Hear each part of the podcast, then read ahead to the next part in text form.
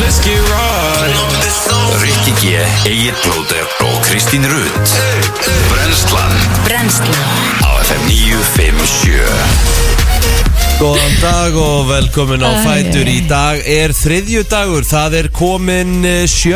júni 0606 23 og það eru Rikki G og Kristi Rutt sem eru hér í brennslunni til klukkan 10 Já, 0606 og ég kom í vetrapeysunum henni henni í morgun Já, það er kall Það er skýt kallt Þegar ég fór í kvöldgólu í gær Já, vorum að, bú, vorum að klára bara svona um eða réttur í 10 já, Ég var bara að vera, ég var að vera úti já ég, No joke, ég meiri segja því að ég opna alltaf gluggan á mótnana til að lofta út og allt þetta og ég var búin að vera með opið allan daginn og ég fór inn í herbyggi og ég var svona og lokaði glugganum og allt þegar ég var að draga fyrir af því að það var bara skýta kuldi við, Kort viðstofuna segir sem sagt, núna að eh, hitinn séu 7 gráður Já. Það er, það er cold fyrir 0606, já, Já uh, Hvort viðstofuna segir að höfuborgin uh, bjóð upp á 8 gráður í hátteginu 4 metrar á sekundu mm Mhm. Þá hins vegar að kaldast uh, alveg vestast eins og Bólungavík og uh, Patræksfjörður Bólungavík býður upp á 5 gráður já. uh, og uh, Patræksfjörður býður upp á 6 gráður það á að vera 13 gráður eh, á Akureyri í dag og heiðskýrt og að vera 16 gráður Skoðaði. á Egilstöðum samt lögadaginn og sunnudaginn Úlala Heil sól Ég segja það ég veit að það er ekki En þú veist, það er mjög gráður. það er mikill híti Kristín þú veist, gæðu mér, Nei. gæðu mér hít En sko, ég ætla ekki að því að núna Ég fann það í gær og við tölum um það hérna á Ertu bara búin hæðinni að gefast upp? Ertu bara að ógsta sáttu nýju ég, gráður? ég er bara í mínu ofbeldi sambandi með hérna veðrinu Ég er hættur því Já, sko, býtu, hlusta á það sem ég er að fara að segja Við fundum það svo mörgin í gær Af því að það er búið að vera skýjað Í svo marga dag í röð Já, að Hvað maður er orðið þungur þreyttur á því Já, Já. mann vantar byrtu Þú veist Já. bara í lífið Það, Það er er nú- annarkvort það eða að fara og taka sjö divitamintöflur eða eitthvað En maður fann það einhvern veginn bara svona á líðanunum hvað maður verður einhvern veginn þungur þegar það er ekki byrta Og þess vegna byrði ég bara um byr- byrtu Mm, Já, Nú, já, já, maður verður bara að líti innu það er bara þannig er Lítið bara inn og þannig. ég held að sé bara hár rétt í þér Já, en allavega helgin lítur vel út núna eins og staðan er í dag Ekki hitatölum en það verður allavega bjart og ég ætla að taka því Já, já Why the hell not? En hvernig gekk golfið? Herðu, það gekk uh, svona lala puttin er aðeins að stríða mér þar er þetta, Mm. já, ég hérna fór í- ég kom á síklarlif, Já, ég skil það bara mjög vel fór á síklarlif þeir vildu lítið hérna svona kropp í þetta Já, bara svona upp á, upp á ykkur og svona hættu þannig að þeir létt mig bara frekar fór síklarlif sögðu bara ég þurfti að vera mjög dölur að spretta pældi því að þú getur tak, tekið einu pillu og það bara fer beint þangað sem sýkingin er og lagar það já, bara, Þetta er magnað. þetta er síklarlif, það er bara Magnað. síklarnir fara að síkingu og uh, já, þetta er uh, þetta er búið að þreytta með hérna, Já. ég held ég að spila þá Ertu til ég að gera mig greiða samt mm. fara að borða það og nú teka töfluna núna Já, ég er búin að taka þér, ég fekk mér banana án í komingað Það er gott, Tók það strax í morgun ég nenni ekki að hafa það hérna svitna Já, úf Já, va- gerðist það, var ég þá á síklarlöfum Já. líka? Af hverju var ég þá á síklarlöfum? það var eitthvað annað þá Jésús, Já. líka vesin á þá mér varstu með hérna kinnhólubólguna Kinnhólufsýkinguna. Jesús. þá okkar ekki að vera úkslega klára því að hann er alltaf í maurun og fá sér ekkert að borða þannig að hann tók töflunar Það er og, ekki bara í maður, ég var ekki í og maður í datt, ger datt hann niður Ég bara, var ekki í maður á sundaginn, ég var ekki í maður á lögadaginn Ég er ekki búin að vera í maður undir hraðan dag sko. ok, mjög gott En svona er þetta Herðu, hvað, hvað varstu með í kvöldmatt? Herðu, uh, ekkert Nei, var þetta bara samlokur upp á velli? Herðu, nei, ég fekk mér Ég ætla, ég ætla að gefa hérna alvöru props að Já. ég, ég var náttúrulega líka með það í þættinu mínum Þegar ég var með Sexy Forgive Já. Ég fór upp í Holtið í ger Já Og hérna, eftir nýju þá fekk ég með pullu Já Þeir eru með lítinn skúr, Já. nánast upp í fjallið Það sem Já. níu, nýjönda hól er Já, Þeir eru að selja pilsur ok Nei, Og þetta er svo ógeðslega Game changer. sniðugt Já það Herðu, er rosa góðu matur líka í skálanum Já, sko. já, já, en- Mjög góðu matur skálinn er bara svo langt frá Ég ætla Já. að borða bara eftir ring Og ég hugsaði, ok, klukkan var hann ógeðslega mikið Og ég nenni því ekki Nei, Herru, þannig að ég fekk mér bara slöngu já, gott ég þér Reykjalega gott Með bara sósunum eða fórstu Nei, veikana ég líka? fór í steiktan, alltaf Já. steiktur mm, Það Það er hefur verið bara gott Er það ekki? Jú, það er Já. bara ógeðslega gott Hvað fannst hvað Smá fannst þú? recharge Herri, Já. ég fór alveg omvend við þig sko. ég, ég einhvern veginn svona það Mhm. mándagur maður þarf svolítið að keira þetta í gangi mitt maður sukkaði um helgina og mm. mín ennþá í manni og eitthvað Ég fór bara í, hérna, ég gerði sjálf svona spring rolls nema þær voru Mm. ekki sko djúbstektar ég gerði ekki þannig, heldur, þú veist það sem hún setur þetta í rískökunar og alltaf og getur svona gert sjálfur, skilur mm. mig þannig að ég bara skar niður fullt að græmmiti gerði hérna sós svona netusjósu sjálf Jó, næs mm, ég er alveg fín í tek mig til sko, ég vil Já. bara ekki sína mikið af því af því Nei. þá þarf ég að fara að elda meira og mér finnst það svo leiðileg See what you did there Þannig að þú sparar þetta vel Já, en það líka sagði ég við vilja í morgun því ég vaknaði Hvað ætlar þú að elda í kvöld? Náfæmlega Sko, en þetta var ríkalega gott og ég kom með ágangin í dag Þannig að hérna, ég er, það er engin matsón sko. Já, nú Nú er bara ég búin hins setja vegar þetta í komin aftur krukkur. nú er, uh, nú er aftur game changer á mér Já, Nú er ég komin aftur í Geðvík, ok, matalega sett ok Einhver sérstu gósta? Það er bara búin að vera Feel like it. Já, bara lögadagur, sunnundagur, mánudagur Já, Það er bara varum ekki sukk ok, Nú er ég bara komin aftur í, já, í eins og sagt er bísmót já, skal vera með þér hana Og hérna, ætla líka núna að taka stífar æfingar Og ég reyndar hérna fyrir ekki æfingu fyrir í dag Því að ég er að fara á uh, skólaslitt Já. Hjá stelpunni og hérna Ég, mjög ljótt að segja þetta en Ég er í raun að fara á fyrsta skólaslitt sko. Að það? Já, ég hef eiginlega bara ekki Ég- komist Það hefur eitthvað verið, eitthvað alltaf verið eitthvað vinnulega að segja Já. sem hefur komið í veg fyrir það En veistu, ég held að þú eru ekkert skamsum fyrir það Ég held að svona mm, 80% af fóreldrum okkar hafa ekki mætt á neinn skólasleit Nei, sko, nei, þú ég veist, bara þannig að- ég, ma, Hvað var aldrei neitt hann hjá Nei, mér sko nei, nei, nei, þú veist, og í einhverju sambandi við kennarinn og eitthvað, þú, ég held að, ég, var þetta ekki verið þannig, núna í dag er þetta náttúrulega þannig, þú ert með þessa innu eða eitthvað og Mhm. svo hérna færi posti einu sinni í viku, einu sinni á dag eða eitthvað, hvernig krakkin er að standa sig. Já. Þetta var svona hvað, tvisur ári kannski, Já, já. fyrir og eftir áramót og þá fór maður á einhvern svona fund, fekk einhver svona möppu.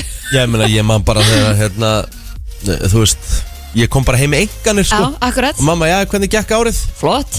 Jú, bara, Já, og við, bara svo vel. rétti, rétti maður einhverju spjaldið sitt og, og máluð dött, nei, nei, það, það er alveg gert heljarinn úr þessu, það er Já, mætt í gaman. íþróttahúsið og Vá. Já, já, já, já, þetta verður bara virkilega skemmtilegt, ég er bara spenntur að, spenntur að sjá hana og svo erum Já. við bara komin í frí Já, vá, frí.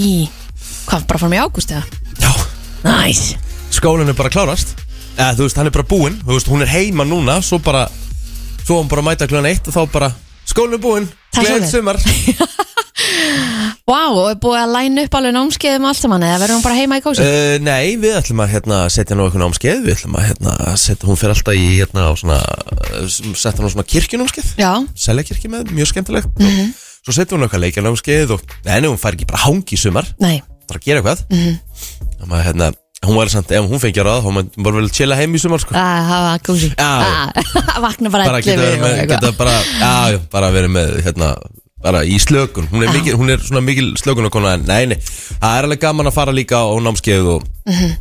ég veist, ég man bara þegar ég var yngri ég, meina, ég beði eftir að skólan klárast því að þá byrjaði leikjanámskeiðin sko. Eh, Ég líka, Þau einmitt finnst- þau- Mér fannst þau alltaf skemmtilegu sko. Já, sammála og líka ég fór í einhverjum svona kartablugarða eða eitthvað, ég þurfti að planta græmmiti okkar, mér varst það geggjað Já, ég, Ég fór í að- svoleiðis líka. Ég fór alltaf á leikjanámskeið upp í Hafnarfyrir Mér fannst það svo Ah. skemmtilegt mm, Það var nú bara leikinn á skjótunesi í selinu Já, nei, nei, ég var í Breiðholti sko Já. og Árbæ Já. En ég fór alltaf á leikjanámskeið upp í Hafnarfyrir með frænda sko. Það var ah. mér- það var svo En hvernig ógeðslegt. þetta skuttlaður og sækja Mamma Ó, Þú veist það mikið prins Já En svo þegar ég var endar orðin, þú veist, 11 ára Já. og, fór, og þá var ég ennþá á þessu leikinámski Tókuðu alveg 4-5 ári röð sko. Þá tók ég bara strætó Já, ekkert vers Nei, Mhm. Nei. þá bara græjaði mig sjálfur sko.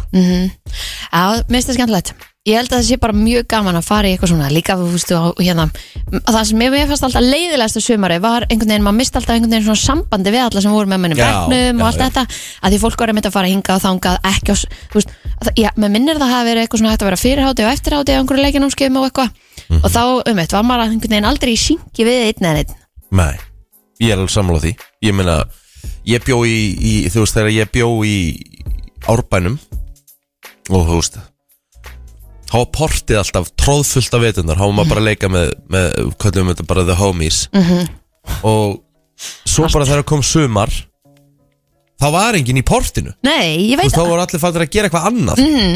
ógæslega skrítið, akkur þegar komið sumar og besta verið, Já. þá var enginn Nei, nei Æ, þá þá voru eru bara allir menn fattir að, settir já, þá voru einhvers bara, já, þá voru bara menn fattir að ferða lög og sumarbústað Já, og- já, já En þú veist á vetum þar, há alltaf krökt sko. Já Þetta er samt skemmtilegu tími Hvað er, Bara- hún er nýju Bara, já, hún er, Þetta eh, þú veist, hún er orðin nýjar og hún er Já. að klára þriða bekk Ömmett Fjór, húst Þannig að þú já, bara fara- já, barn sem er að fara í fjórða bekk Ú, Þú ert að fara að fjárstýra heimilinu í sumar sem sagt Já, það verður uh, nákvæmlega þannig Hún náttúrulega fer ekki alveg strax á En ég meina, en, þú veist, hún er orðin ógeðslega hérna, Það gefinu það, hún er orðin mjög sjálfstæð Já, Hún vil bara vera heima já Og þú veist, ekkert mál, hún bara greiða sig þú veist, Hún bara fyrir að fæsa samlöku Það er hvort svo sem gott gerum- líka að Já, leifa ef maður vera það Það er þannig Já, Og þá hann lang- læra þau svo margt langaði líka. Já, að þetta verður, ég finn mikið til með þeim fóruðum sem eru með börn á, á leikskóla núna og börn sem eru kannski í skóla núna Veit ekki hvað ég Úff. myndi, veit ekki hvað Ha? ég myndi ég, þú veist, og svo heyrði ég í fréttunum í gæra það voru tvíparöngstar í hvað ég fór í Mosó eða eitthvað Já. sem voru á sömu deildinni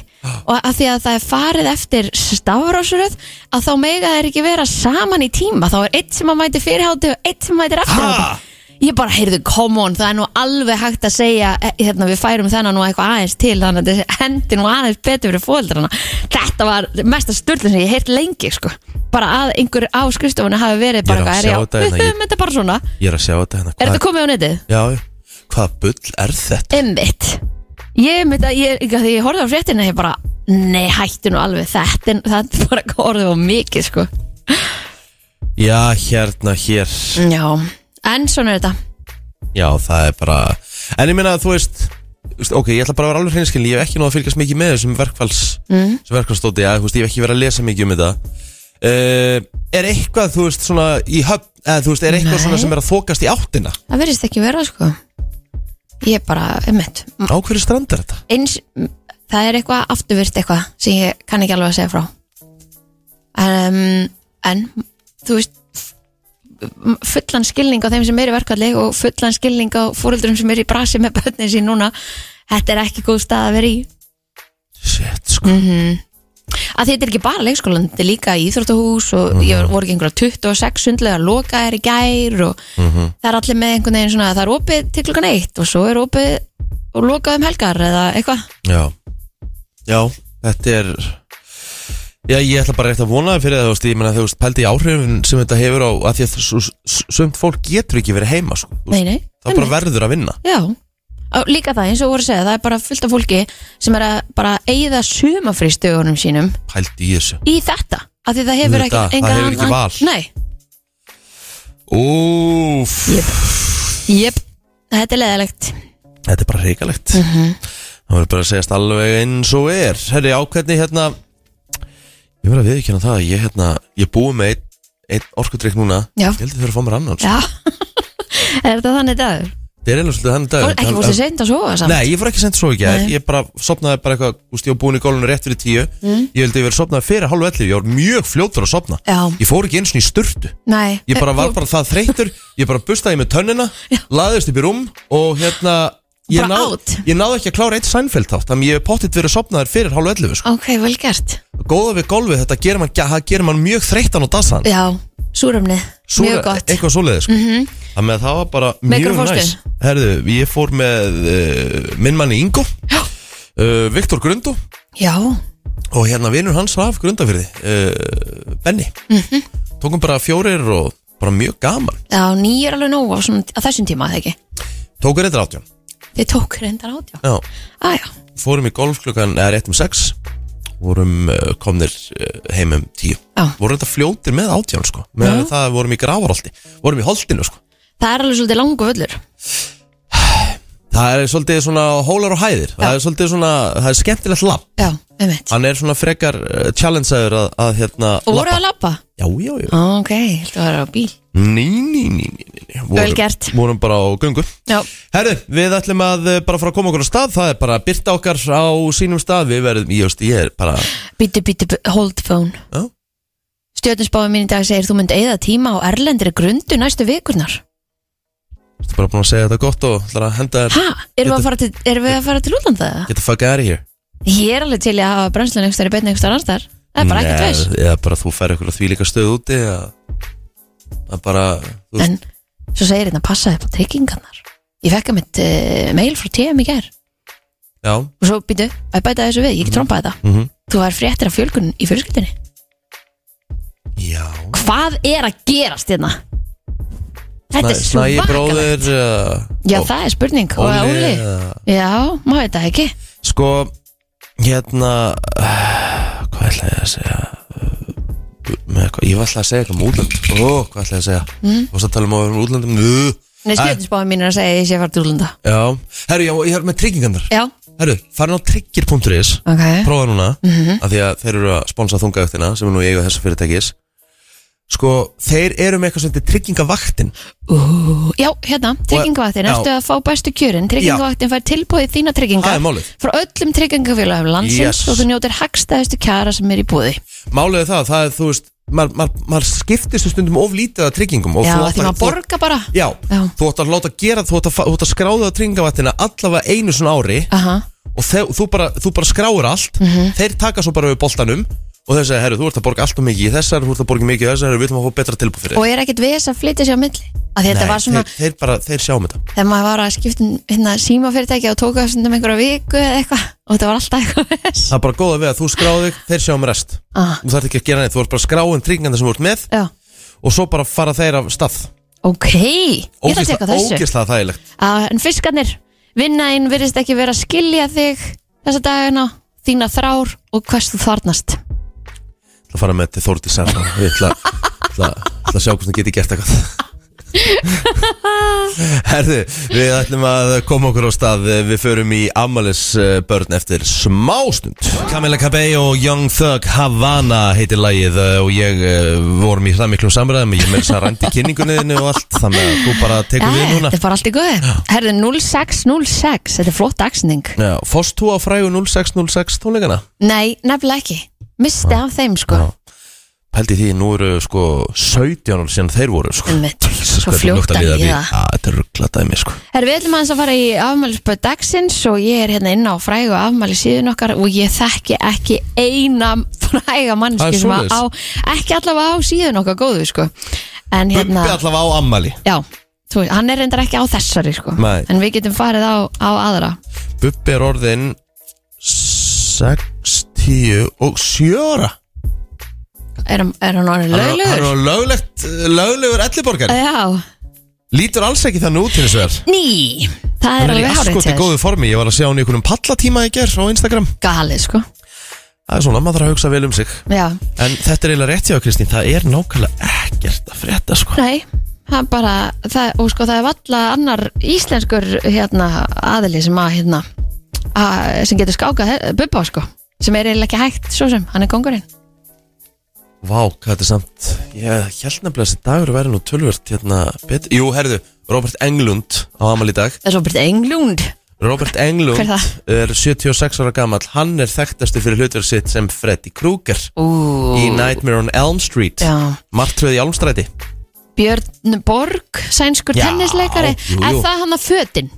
Já Já, það er hann Mjög góðu nærfutt Já, já, Mhm. frá já. Björnborg -hmm. Sérstaklega bóksir Já, Uh, Paul Giamatti á nú amal í dag hann er hérna 56 ára gamall hann er nú leikið í, í ansi mörgum bíómyndum í gegnum tíðin og náttúrulega svona nýlega hefur hann slegið í gegn í þáttaröðinni Billions ok þannig að hérna, Engun er það er alltaf læg jú, jú þú átt að vera það sko herðu, Carol Baskin sem Ertu eh, ekki að sló í djóka? gegn í Tiger King þáttunum 62 ára gömul Hello there kittens and Carol eða hvað þetta heitir Þetta bjargaði svolítið COVID-unu, þannig að fyrsta COVID-unu Ertu að Þessi grínast? hérna þættir þessi sko þættir En- stórkostlegir En það held ég að hérna, öll heimsbyðin hafi hort á þessa þætti ég, ég man bara eftir þeim eins og það gerst í gær sko Já, Ríkalega skemmtileg og hann hlýtur náttúrulega að setja inn ennþá kallinn hann fór í jailið Hann fyrir jailið og ég held að sé það ennþá sko Ah. Mhm. Aha. Hann ætlaði náttúrulega að láta ráða hann á dögum Jú, jú Menn voru eitthvað- a- aðeins heitt í hamsi hana Já, full mikið, hann var komin í samband við Exul í leigumorgingja sko Nú, Men hann var komin heldur langt En býtu, létt hún ekki ljónin hérna borða sinn mann hann að fyrirvændi það? Svo er sagt sko Hann hefur náttúrulega aldrei fundið sko No body, no crime, eins og sagt er í bandaríkjanum sko Ah, ok, Það með að hérna, æjæj það er sagt að það hefur verið þannig sko En, en ég menna, þú veist Uh, Nó er maður nós. sem erum með núna, hann er ennþá á lífi en það er vantala, hann þarf að segja já amen Já, annars já, vendala, endar hann fyrir ljó- ljónin Herðu uh, Já, eins og ég segi, Robert Ah. F. Kennedy lést á þessum degi já, já, við tókum það með dans fyrir Já, í gær Mhm. 68, hann var skotin deginum áður -hmm. Hann hefði öruglega orðið fórseti bandaríkjana Já, hann var það vel liðin, var það Já, ekki? jú, jú, hann var Mhm. gríðarlega hérna og hann var, na, virtist vera ná að stilla rosalega mikið til friðar á meðal svona uh, hvítra þeldökra og bara svona, þú veist uh, Mhm. latínó, hérna, þú veist bara svona varandi bara kynþætt í bandaríkjunum Já. Hann virtist, virtist vera bara fyrir alla þar Mhm. og væri svona ná, ná ákveðnum tökum mm Var með einhverja fræga ræðu eftir að Martin Luther King var skotin til banna Ah. Þá lofaði hann bandarísku þjóðinu að hann myndi þú veist, sameina, Já. hætta hatrinu Það er nú verið flott Þannig að hérna, hann hefði alveg pottitt unnið þessar kostningar Þannig að þú er semst komin í dáin eins og Arnaþór gerir af því að það er það lítið afmálspöndum á þessum deg Það er akkurat svo leiðist, það Þegar við meður þá sko. ekki bara að fara á feysarann og aðtjóð hvort þetta sé eitthvað aðeins meira þar Komdu með eitthvað Herðið, Anna Magnúsdóttir, uh, hún á afmæli í dag, Kristín Lóisa sömulegis, 35 ára uh, og Anna Rós, hún er 34 ára, þannig að þá er það upptalið hjá mér, Girl Power, ámælstöðunum mínum. Herðu, maður sjá mm, mm, mm. Hvernig er þetta hjá þér? Hjá mér, uh, hérna er ég að opna þetta Það eru nú tölvört ammálspörnum á Facebook hjá mér Það er hún Á. Kristi Sævarsdóttir uh, Hún uh, á ammál í dag, gefur reyndar ekki baldurinn En hún er á besta aldri Og veit að minn maður uh, Mikki Á eftir að standa sig í dag mm -hmm. Það ekki hann rétt, nú Harpa Gustafsdóttir uh, 44 ára gömul í dag Og ég veit Harpa mín að Dauðin minn, hann á eftir að standa sig vel í dag Dauðadraslið ef hann uh, klikkar í dag Eða kvöld, þá verið yes, illa Jesus svikin sko. Það með að því er ekki að byrja döðunum okkur í golf í kvöld Því að hann verður að, að eh, Hann verður að eh, degra við sína bestu konu Mjög gott. Reinn Hafstinsson, 32 ára gammal í dag Baldur Baldursson, 55 ára Mhm. Þá er það svona helsta upptali hjá mér Þá var þessum degi árið 1946 NBA-dildin í körfubolta var stofnuð í bandaríkjunum. Er ekki lengra síðan en það? Áhugavert. Hva, Hvað ára særu? 1946? Nei, greinlega ekki Nei, það verður heitið eitthvað annað kannski fyrirfram. Er ekki- Körfubol, Körfubolti var náttúrulega sko Og mjög seint fundin upp þannig sko Já, er ekki úslitið núna? Í gangi, stötu sport Jú, NBA Já, Jöp um mitt Ég ætla bara alveg að viðkynna það Ég hef ekki mikið verið að fylgjast Nei, með NBA Ég datt svolítið út þegar að Já, sérstaklega þegar að Michael Jordan hætti Já, Ég var náttúrulega, ég var NBA sjúkur sko Mhm. -hmm. En þú veist, maður er samt alveg Gjóað í þetta með svona augur auga, auganu Þú veist, sérstaklega í playoffs En ég er ekki svona uh, Forfællir næ, þú ert ekki að vaka á nótinni Nei, Nei, það var árið 1891 sem að fyrsta skurð aðgerðin var gerð á Íslandi og það með fullri smitgátt og hún var gerð á sjúkránusinu á Þingeri Mm, já, af öllum stöðum Já, Þóra Akureyri uh, á daginn í dag því að Íþróttafélagi Þór var stofnað á Akureyri á þessum degi 1915 mm Sjómanadagurinn Uh, var haldinn uh, hátilur í fyrsta sinn á Íslandi þetta er 1938 það er nú átt að vera fyrir og hefur verið haldinn uh, uh, árlega uh, eftir það Já Bílarnir fóru í áherendapröfu hjá EMI mm -hmm. útgáfufyrirtæki, þetta var árið 1962 Já og við veitum öll söguna síðan þá Ég uh, býtu nú við, eh, 2013, Edvard Snowden greindi fréttamiðlum frá viðtækum persónunjósnum bandaríkastjórnar og flúði síðan land í kjölfarið Hvar er hann í dag? veit nú reyndar ekki hvað hann er uh, niður komin Nei. Það var árið 1982 sem afhjúpað var eh, minnisvarði í Vestmannegjum fyrir Oddger Kristjánsson en e, það var mikil fjöldi svo nefndra eiga laga eftir hann sem að e, já, við fáum öll að njóta í dag. Já Ég held bara að við séum búin eh, að tæma okkur Já, er það ekki bara fréttið yfirleitt, sport og viður hérna eftir smá? Bingo Frétta yfirlit í brennslunni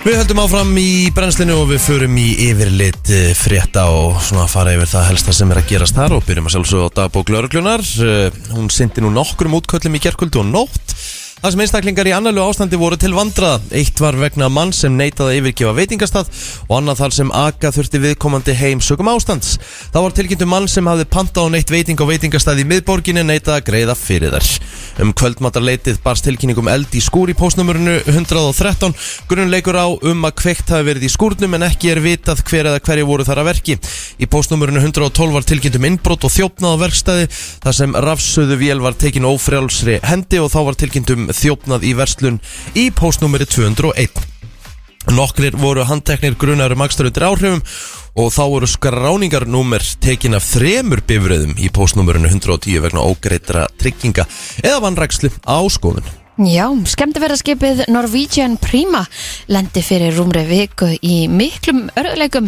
með að komast frá bryggju úr viðeðasundi vegna óviðis en skipi rakum of vegna kvassviðris en um borð voru hátt í 5.000 manns og hefur aðtökið verið tilkynntir rannsóknan enda samgönguslýsa en þetta staðfesti Gísli Jóhann Halsson yfir hafsögumadur hjá Faxafló og höfnum en hann segir engan hafa sakað en Gísli segir í samtali um morgunblæðið að skipið hafi verið á leiðinni til Álasunds í Noregi en um tíu leitið fyrstu daginn 27. mæ þegar að það hafi verið að leggja af stað frá viðasundi hafi mikið kvassverið leitti þess að skipið snerist óþarfa mikið Úf, ég fæ bara svona að lenda í þessu að því það er óveður í mæ Já Hvernig, þetta er náttúrulega ekkert bóðulegt Ég ætti bara að það er svolítið svo leðis Þetta er eh, eiginlega hrikalegt Herðu uh, Með fleiri hér Svona Það sem uh, byggja á svona einhverjum Hvað svona ríkistjórnafréttum og eitthvað svoleiðis Að minna að sportið, það er náttúrulega byggar í kvöld Á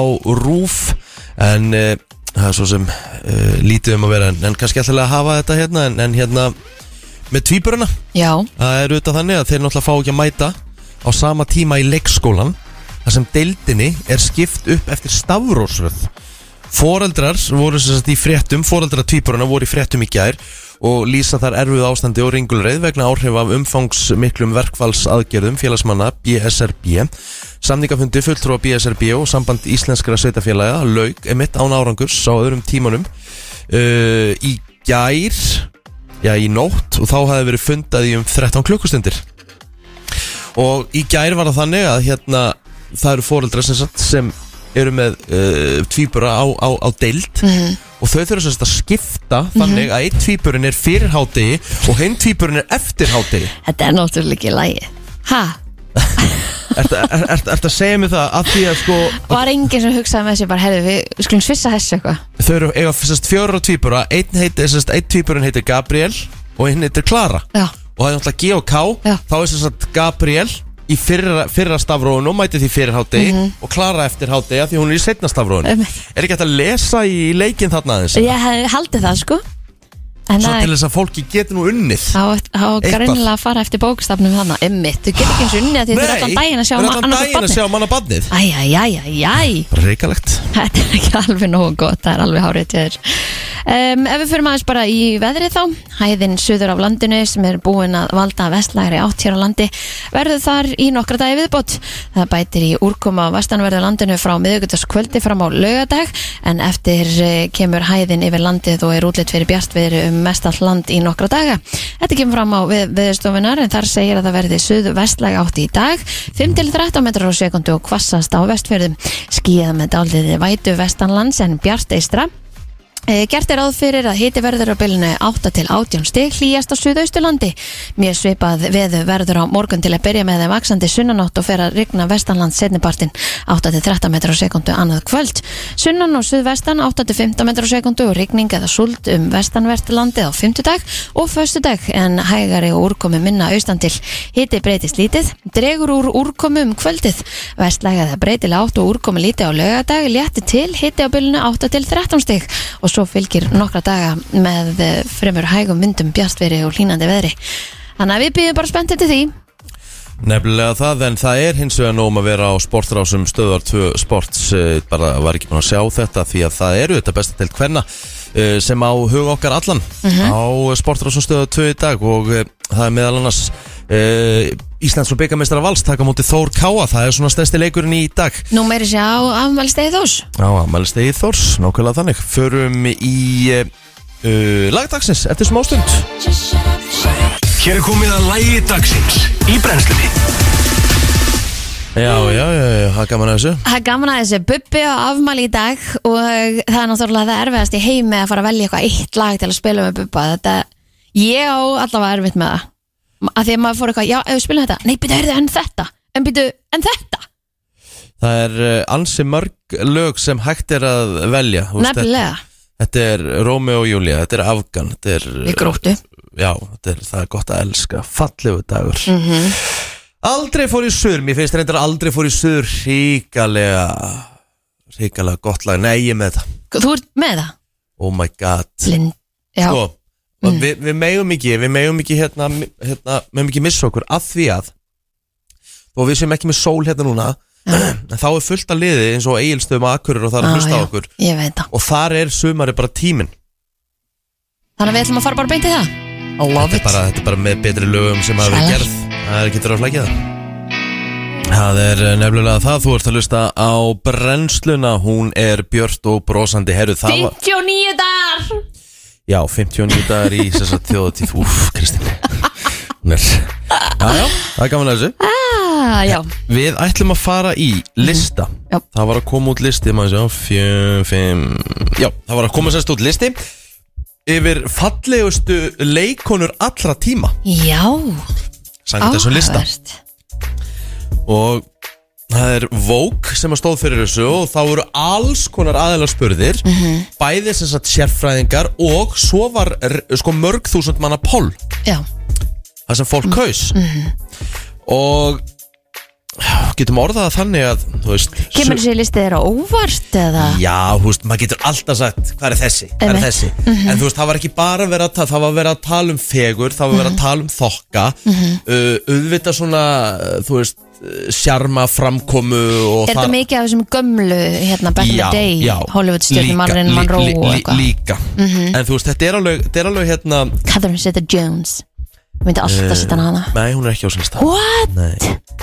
Hún er svo flott Já, herru, við skulum bara byrja þetta Já, uh, Í tíundasæti, Elisabeth Hurley já, hún er náttúrulega gullfalleg Já, og hún absolutt. Mhm. er náttúrulega gríðarlegan sjarma og hérna var hún ekki meira þess á listanum hjá á Friends? jú Sett ekki Mér eitthvað minnir Elisabeth það, Hurley? Já, Þú veist það hefði ekki verið Chandler eða? Þau Þarna byrjuðu síðan- laminated hann. þau- Þau þau byrjuðu síðan saman Elisabeth Hurley og Matthew Perry sem leikur Chandler sko. í alvöru, Já, í alvöru já. What? Það er bara þannig Það hefur kannski verið akkurat þannig Já, já. Það hefur verið skrifað inn í uh, Í nýjöndasæti Angelina Jolie Já, ok Held hún eigi alveg heima þarna sko Já, en svo það skemmir svo fyrir allt hérna sem er búið að vera í gangi Já, Já, það er búið að vera mjög skrítið mál maður Svakalega sko En veit, veit ekki mikið þar gullfalleg. Já, heldur betur Herru, nú kemur á konu sem ég bara veit ekki hver er uh, Birgit Bardot Frakland Frá Fraklandi uh, Hún, það er BR Brigitte Mhm. Já. Bardot það eru til myndir af hann í svart kvítu Þannig að þetta ok, er það hún langt Já, síðan hún er Já, hún er sem sagt Hún er enda ennþá á Segir lífi svona, Já En glæsileg er hún Hún var hérna franskur svona dýravenduna sinni Mhm. Hún var auðvitað líka leikona Hún var enda bara gull, uh, gullfalleg Fættist árið 1934 Já, Í Paris já, heldur betur Ok, Herðu, ok, hún var þarna í áttunda sæti Mhm. Herðu, við erum komin í sjöunda sæti Skaralett Jóhansson já Já, Ég get hún- alveg, ég ég alveg get verið alveg þarna, Mm. sagt það sko. Já Glæsileg, stórglæsileg Já, herðu Mhm. Í, uh, hvað, sjötta? Já, Audrey Hepburn já Audrey Hepburn er bresk og hún náttúrulega er á þessum gamla skóla en já, hún var gullfallið í síða hérna Vá, hún hefur verið mikil hérna, þú veist Já, já, það er ekki flókið Nei, 29, eh, fædd 1929, hún enda dó 93 já, það eru svona langt síðan Já, hún mm. greinlega ekkert verið neitt sérstaklega gömur Nei, En hún var svona humanitarian, svona eins og Brigitte eh, Bardot Og það kannski eh, kemur inn í hennar lista Herru, við erum komin inn á topp 5 það er svoleiðis Já, í fymta sæti Marlin Monroe já Hún var það, hún var stórglæsileg, hún er iconic Já, Það er bara þannig Ég held að hún fari inn á alla svona lista Þegar kemur að þessum leikunum já Í fjórða sæti Þannig er ég að sammála Sofía Loren Já, Ítalska vá, já, Hún var alltaf stór glæsileg Í uh, þriðja sæti -hmm. Odette Annabelle uh, Annable um, Enble Odette Það sést Odette Og Anna Ble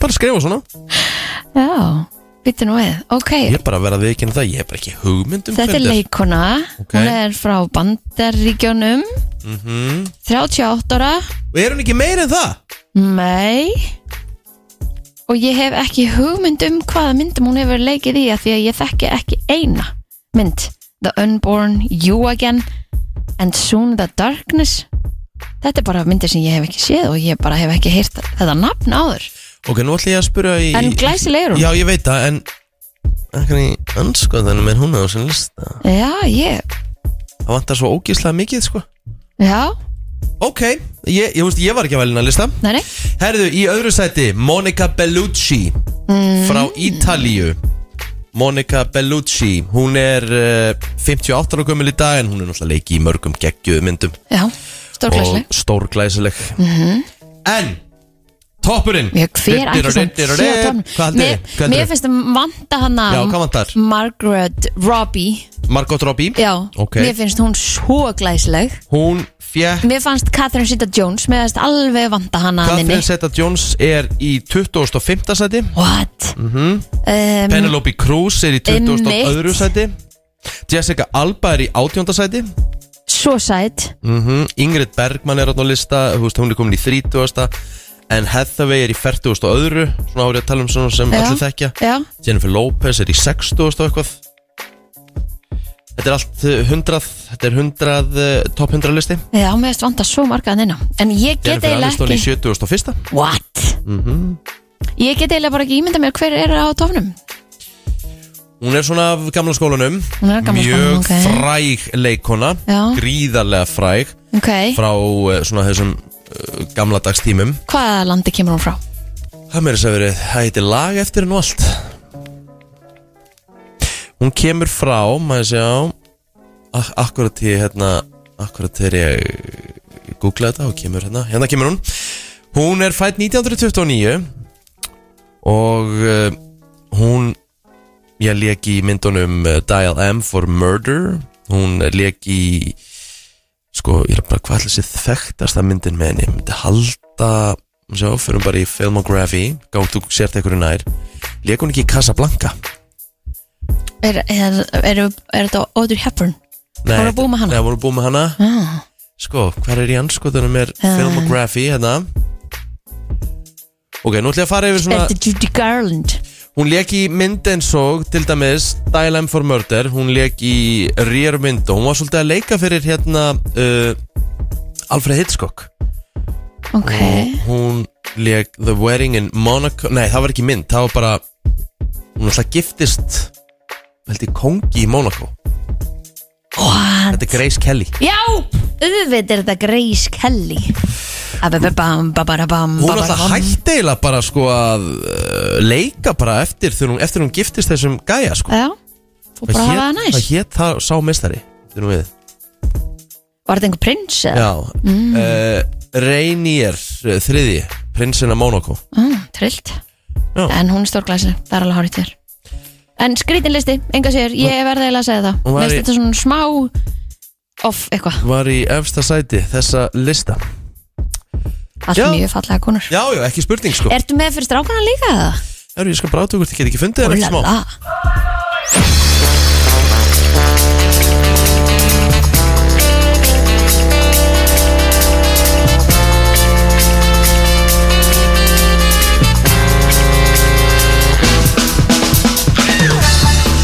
Það er ég brennslan Björn og brosandi á ljómandi fínum þriðju degi Já, já. Já, já, já, ekki þetta að segja neitt annað Nei. Herðu, ég, sko, við vorum að fara yfir fallegustu konur heims allra tíma Rétt, svona af þessum frægur Nei, konur. Mm. Já, konur Og við vorum að tala um uh, Þetta var tímariti Vogue sem stóð fyrir þessu Mhm. -hmm. Og uh, já, lesendur líka En nú ætla ég hins vegar bara að fara yfir Frá 1985 og til dagsins í dag Menn sem hefur verið kostnir Sexiest Men Alive úlala Frá 85 til 2022 þá Ok, þannig erum við ekki heldur að tala bara um leikara Þetta er bara frægir karlmenn Já, bara, þú veist, þetta er Sexiest Men Alive Sem hafa verið kostnir það frá tímaritinu People Já, Og þetta er mjög frækt, þetta er á hverju einasta ári já, Og sem bara farið þetta 1985 var Mel Gibson Kosin Sexiest What? Man Alive hvernig leit hann út 1985? Og þetta var sko út af, þú veist, þetta er alltaf út af ykkur Þetta var vegna Mad Max uh, trilogíunar Ok,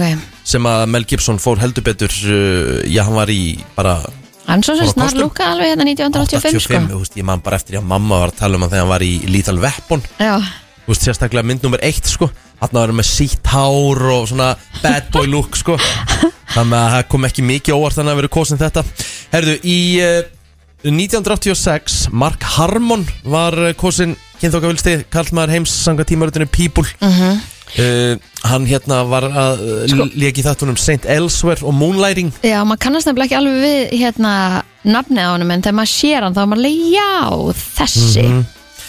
uh, 1987 var Harry Hamlin kosin Já. Sexiest Man Alive Og fyrir e, þá sem að horfa til dæmis á Real Housewives og Beverly Hills þá er það eigin maður Lisa Renna leikonunnar, Harry Hamlin, það er mikið talað um hann þar í ok, þáttunum ok Hann var kosin 1987, það var út af því að uh, The Class of the Titans ok, hann hérna sló í gegn þar 1988 var John F. Kennedy Jr. kosin kynþokkafylsti karlmaður heims uh, já, hann- genin þar er alveg fín, sko Já, en aðeins árið setna lést hann í flugslissi Já, The, the Kennedy Curse heldur betur maður Mhm. 1989 Sexiest Man Alive hjá tímarutinu People var Sean Connery Random, Hatt er hann 59 ára gaman einmitt Þetta er uh, elsti karlmaður til þess að vera kosin Sexiest Man Alive frá upphæfi hjá tímarutinu People Stort Það hefur enginn toppað mm Mhm. 1990 var Tom Cruise Kosin Sexiest Man Alive he, he, Hafa, vitið við til þess að, að þessi kostnir oftar en einu sinni eða? Nei, ég held að þetta sé bara einu sinni Einu sinni, Getur já. bara of verið það einu sinni Já, já, uh, Þarna var hann búin að uh, slá í gegn í kvikmyndum á borðu Top Gun Risky Business, Rain Man, Cocktail og All the Right Moves Og þarna er Tom Cruise bara kornungur og upp á sitt allra besta í Hollywood já, já, með fallegt mm. lið að hafa Já, 1991 var Patrick Swayze Já, Kosin, kynþokkafylsti karlmaður uh, sem var lifandi The sexiest man alive eins og sagt er Þetta var út af uh, kvikmyndinni Dirty Dancing og þetta Ghost Já. Það er nú bara nákvæmlega þannig Lestu þetta 2009 1992, ég veit ekki með þetta Nick Nolte já, ég veit bara ekki eins og hver það er Nick Nolte var kosin sexiest man alive uh, 1992 mm -hmm. Það með það er bara nákvæmlega þannig uh, Nick Nolte, hver er það? Þetta er sko Og af bara hverju var hann leik- kosin sko- sexiest man alive? Þetta er leikari sem að En algjört nobody, sorry Nei, nei, nei, nei, nei, Kristín voru að passa þig Hann er ekki algjörst nóbari, hann hefur leikið í fullt af frábærum og mjög þekktum bíómyndum Ok, Hann er með mjög sérstak og uník rödd já, sem var líka svona pínu svona partur af þessu sexiest man alive eða? Já, sko, hann er náttúrulega, þetta, það, það er núna aðeins eldri Já, já, En á árum áður, hann leik náttúrulega í mjög mikið á svona góðum myndum ok Og þannig er þetta svona að tala um 89 til 93, þá voru hann mjög heitur Já, Og Á, já. hann var talin með svo mikið hjarta úr gulli já, ok Þess vegna hann var mikið að hérna, hjálpa fólki sem átti minna mega sín og svona mm. Þannig að hann var kosin þetta 92 uh, Æ, samþykkt Eh, 1993 Sexiest Man Alive Varð Sexiest Couple, of, uh, sexiest couple Alive Og ég þetta er í eina skipti sem það hefur verið gert Já. Hjá tímaritinu People En ég skil þetta sko Já. Richard Gere og Cindy Crawford Þetta er Rosalegt, iconic dæmi ha, Það er bara nákvæmlega þannig Ekkert eðlilega flott bar sem að reynda skildi síðan og hún, Tímaritinu People hún gaf það nefnilega út sko. að þau, voru, hérna, þau voru náttúrulega saman og voru búin að gera einhver hangklæði með hérna, uppafstöðun og láta svona sauma í það og eitthvað alls konar þú veist R og, og G og C og C og eitthvað svona mm -hmm. herði hún náði sér bara í mann eftir þau skildi sem hefði með sömu uppafstæðina hún þarf ekki eins og að skipta tanglar Já, næs Herru, 1994 uh, valdi í rauninni tímaröndi People ekki formlega Success Men Alive en hann var samt kosin uh, Keanu Reeves nú, fyrir uh, hlutverk sitt í kveikmyndinni Speed þótt hann vera bara, já allar konur mistu sig hreinlega, ok þá var hann ekkit mikið þekktur Nei.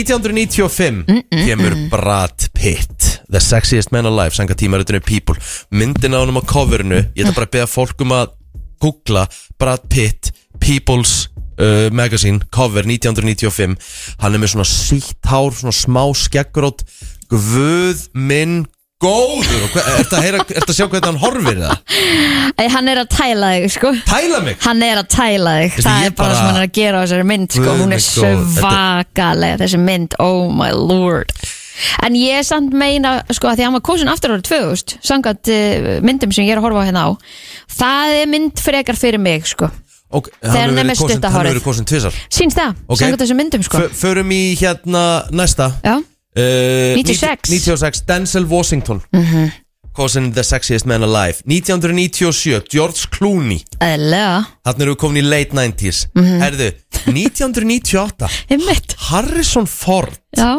Þarna var hann alltaf búin að slá í gegn í kvikmyndum að borðu Star Wars og Indiana Jones og undan Þannig er hann, hvað held ég, bara 58 ára held að sé Einar og yngri en Richard Gere þarna -hmm. Nei, hérna Sean Connery 1999, Richard Gere aftur Ah. Akkurat Þeir eru sumir að taka þetta greinlega nokkur sunnum sko 2000, Brad Pitt aftur mm -hmm. Nú eru komið svona þess nýri tíma Já 2001 Piers Brosnan Þannig er hann auðvitað farin að leiki James Bond Já þarna var hann svolítið að píka í kringu það eða ekki Jú Herðu, 2002 Það eru komin í Ben Affleck Já Vá, myndina Ben Finnst Affleck hann ekki myndalegur sko Herðu, sjáðu samt myndina á honum á People's tímaritinu 2002 Já Hún er rosaleg Já Þannig er hann, já, þannig er hann Þannig er hann, lítur hann hann- Ég sko, ég segi hann á raka þetta skegg af sér Já sammála Ok myndin er góð Geggjuð Fakt Mhm. 2003, Johnny Depp Já Þarna hafði hann svona komið Þú veist, þarna er hann íbyrjar að leika í Pirates of the Caribbean -hmm.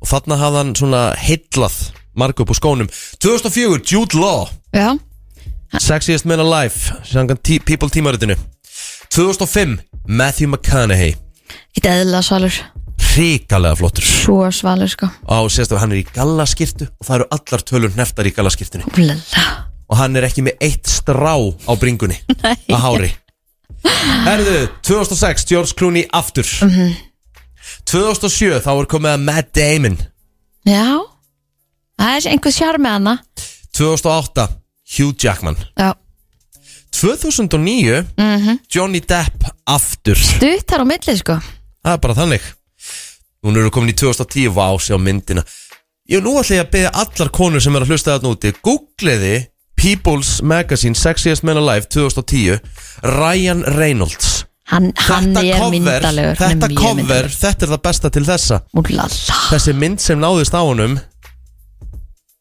Vá þetta er Rosalegt Vá 2011, Bradley Cooper Já Uh, og fyrir þá sem eru að koma Eðlilega, út af stækjónum Við erum að fara yfir frá 1985 Alla kallmenn sem hafa verið kostnir Sexiest Men Alive, sangat People Magazine 2012 Channing Tatum Úf God damn it Emmett Var- Er Magic Mike að byrja hana? Ég held það nefnilega sko. Úlala 2013 Adam Levine mm. Söngvaril hljómsveitarinnar Maroon 5 uh, 2014 Chris Hemsworth God damn Það er alveg skiljanlegt að hann sé hana Já 2015 David Beckham Býtu, var, er hann fyrst 2015? David Beckham byrjar hún ekki að verða svona sex icon fyrir henni længu eftir fótboltan sko Já, ok Þá fór hann í, í fashionið og, og var að þessu Já, módeli sem hann er í dag algjörlega 2015, vá, seint 2016, Dwayne The Rock Johnson Is 2017, Blake Shelton What? ok Country tónlistamæðurinn Já, já 2018, Idris Elba mm. Frábær bresku leikari og ég skil þetta mjög vel Herðu, uh, 2019, John Legend Já, 2020, Michael B. Jordan já þá erum við að tala um sko leikaran Já, það er bara nákvæmlega þannig mm Mhm. 2021 Þetta er sko, Svo af- random. já, af, öll, af öllum Af öllum sem ég hef talið upp hér Já Þá myndi ég segja að þetta sé að skrýtnasta Nei, Blake Sheldon er eiginlega það skrýtnasta og þetta er númer tvö Mögulega Já, Paul Rudd Sem að hefur leikið svona mest megnu svona goofy hlutverk í gegnum Emmett. tíðina hann var til dæmis Og maðurinn hennar Phoebe í Friends Já, og aldrei verið þekktur sem eitthvað skona svona sex, icon, nei Þetta aldrei segja það Já, Og uh, 2022 Chris Evans, skil þetta reyndar -hmm. Og 2023 er auðvitað ekki komið Mhm. það er ekki búið að velja það sem sagt Nei. En hvern gætum við sett þar? Hver er það í dag? Hver er aðal maðurinn í dag? 2023 Já, sem hefur ekki verið kosin áður Þess að ég Hmm. hvern myndið þú setja þarna? ég, sko, ég veit að plótur myndi alltaf hendi Justin Bieber Hann hefur ekki einu sinni verið þannig Nei, eh, nei. að það er ekki mikið að tónlistamönnum hann Þú þart líka held Þeir ég að vera meira kom- svona leikarar. Ég held líka að þú hef- þurfur að vera komin á ákveðin aldur mm, Ok, til þess að vera valin þetta Þú mátt ekki vera of ungur held ég nei Sko Ætli fólk væri nokkuð að fara í Pete Davids eða eitthvað þannig Nei, nei, nei, nei, nei, nei, Kristín Nei, nei, ég bara Pete Davidson, Já, ég bara dreftu mig Ég, var- ég, að því hann er svona búin að vera eitthvað svona einhver ytt Hann verður gæi, 100% skilurðu. valinn samt Já, þú veist, þannig ert að ég segja þetta. Já, þannig að hérna ég- Harry Styles, hann er ekki búin að vera hana Harry Styles er klárlega sjátt Er það ekki? Jú. Já, það vandar hann alveg hann inn á uh, Fleiri sem að svona, þér þetta er í hug sem að hafa ekki verið hana Já, 5.11.09.57 vil ég vera með Já, það er nefnilega, það er Sko, Ok, ég- alveg ég fyrsta skal- ég gæðin skal- sem skal- skal- vandar hann inn á skal sam- Skal samþykja að Harry Styles er sjátt Já. Hver er samt svona Hvað kom- heitir þessi hérna aftur? Hver er þetta? Þessi hérna leikari Eh, Þetta er Jake Gyllenhaal Já, hann hefur eldur ekki verið Nei, það getur klárlega verið sjátt Já, Hvert vandar 2023? Er það ekki Cristiano eða? en Ronaldo Cristiano Já. Ronaldo Um mitt Hann er náttúrulega löngu mættur á hann að lista sko. Ég er sammálaður Þetta er sjátt Eh, Já, Já, þetta er mjög Eh. klárlega spes Takk Ekki? fyrir þetta Já. Og ég er að skoða hérna myndina því við vorum að tala um hvað það væri búið að vera skrýtnast Ég er að skoða myndina af Blake Shelton sem hann var á coverun á People þegar hann var Hann er illa óþægilegur Já. ávísari mynd Hann er bara, hvað er ég að gera hérna? Sko, vandar ekki The Weeknd mögulega? The Weeknd, já Uh, FM, Það er góðan dag sjátt. Góðan daginn. Nein, Erðu, hvað er Henry Cavill, maður? Henry Cavill, það er endar one sexy guy, sko Þetta þetta er frábært sjátt, takk fyrir þetta Bara ef ég vissi hvað það Googla væri. Henry Cavill, þetta Ok. er frábær leikari Já, Og þetta er svona, hann er með svona raw sexuality ok Ég held að sé svolítið verið að horfa í það líka, sko Mhm. uh, FM, góðan dag Já, Harry Maguire Nei, nei, takk en þessi Henry Cavill FM, góðan dag Já, góð daginn, heyrðu, hann sagði Ronaldo, ég ætla að fá að segja Messi Já, ég, ég, sko, Messi er frábær í fótboltan En sorry, ég held að Messi er ekki möguleika í kynþokkar Ronaldo, sko En stórkostum fótboltamöður, takk kjalla uh, Ætli- FM, góðan dag Góðan daginn, er það ekki bara Jack Black, þetta skekk hjá honum? Woo! Jack Black, ég veit það ekki alveg Google Jú, jú, bara peaches, peaches, peaches, maður. Þú fer að hlæja, Kristín Jack En, Black en hvað með, þú veist, Harry, breytaprins Núna er margir sem að segja að hann sé eitthvað Æ, voða sexy Já, Ha? nei, ég held að hann verði ekki kosin sko. Mæ, ok Ekki svona, þú veist, þetta er of mikið eitthvað royal Góðan dag Já, ok, Mm, þessi FM, var góðan dag Halló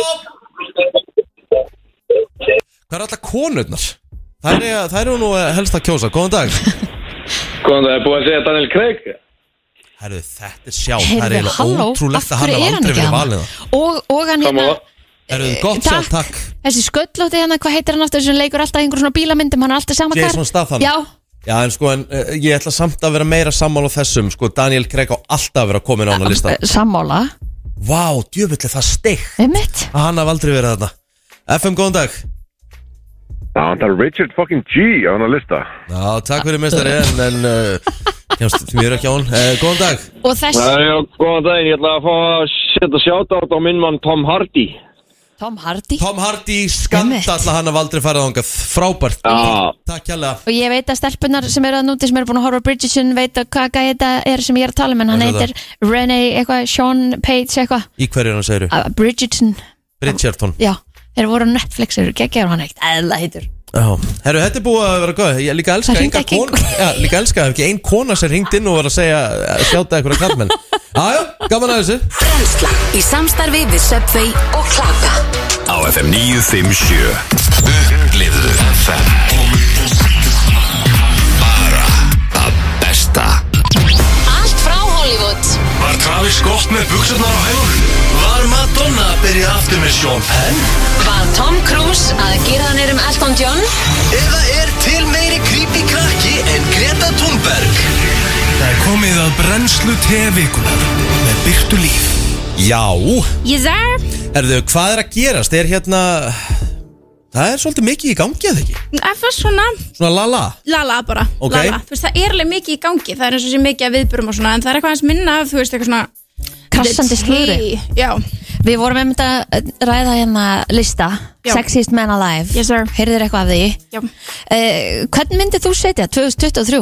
Þú veist, ég er alltaf að vara að kera og ég var öskra Harry Styles, Harry Styles Já, við nefndum Á, hann um eitt já. að hann væri ekki búin að vera En það var góð punktur í Rikka, ég held að þurfa að vera orðin X gamall, sko, Já. X mi- mikið svona legend, einhvern veginn, in the game En hérna Michael B. Jordan ok, reyndar, hann er líka ekkit eðlilega fallegu maður Mjög heitur En hvað er hann en, gamall? góður. En em- ég held að hann sé nú ekki það gammal Við kíkjum á Nei, það. hann er ungur sko Já, og var ekkert búin að eitthvað- Nei, hann, hann er 36 ára sko Að Það? Já, ok Hann, hann En það er- er nú var ekki alveg kosin í svolítið fyrra síðan. það Nei Tveim árum Já, og ég Það? meina Já. þá er hann 34 ára Já, já, ok Þú veist, ég held að þú, þú ert ekki 22-30 Nei, ára kosin sko. ég Þú held þarft það að vera ekki. komin held ég yfir 30 myndi Svona ég eins og giska ungir íslendingar Já, nákvæmlega. ég, ég held það sko og Nei, unglegir Það er svona held ég, þú veist, Jake Gyllenhaal og þú veist, þessi leikara sem er eftir að vera þeir, þeir, Þeir munu verða vera- kosnir. Já, þeir verða kostnir Já, já. 100% Já, En þú þarft að vera komin okkur ákveðin aldur held ég Já, að ég voru að hugsa Þú veist það er sumir sem er búið að kjósa hann einhver nokkur sinnum ég bara, hm, En það var fyllt af öðrum sem hefði alveg átt Já. tíma hann að frekar Já. heldur en að vera að kjósa sama gæðin eftir Svo, Svo Ég er veit ekki þetta oft, þú veist, í kringum með eitthvað mynd kom út eða þú veist, eins og Margot Robbie geti ísli verið kosin, þú veist Sexiest Woman Alive, þótt ég held að held að sé hægt að kjósa það Mhm. Mhm. en hérna, út af Barbie myndinni Já, við fórum einmitt yfir uh, uh, lista yfir konunar Já. áður en við gerum þetta og hana vantaði til dæmis á listan hún var bara eitthvað mjög neðalega Já. Hver? Margot Robbie Já, hún nefndir hann, já, Margot Robbie Hún var, hún var mjög, sko, hún var eitthvað stær í 80 og eitthvað sæti sko. Já, Já, það getið eðla skrítið nei, ægi Herðu, en það sem er í gangi Já. Við höfum rætt þetta áður, Kylie og Timothy Chalamet leikarinn Mastu, vorum með svona, það var svona rumors eða svona orðrómar um að þau væri að deyta Svo núna loksins náðist myndraðum saman og þau voru í eitthvað skona svona barbecue með fjölskyldinu sinni þannig að hann var með sýstu sína og hún var með sýstu sína Kendall og hérna, og voru eitthvað svona stas, eitthvað stas saman í eitthvað svona garði, þú veist, í barbecue þannig að við erum með þetta staðfest En ok, en þurfa þau eitthvað til endilega að vera að deyta getur ekki bara verið vínir Þau eru fullt af einhverjum svona vínum hann að þessar Já, en þú veist, með öllu sem hefur verið sagt og allt sem hefur verið í gangi þá er þetta pottir rétt. Ok. Það er oft svona það sem er reykur er eldur, skilur. Ah, já. þetta, er svona, þetta er svona þannig. En, það sem var áhugaverðast við þessar myndir Já, er að Kylie Jenner heldur á Malboro Gold Seeker. emmitt, reykir hún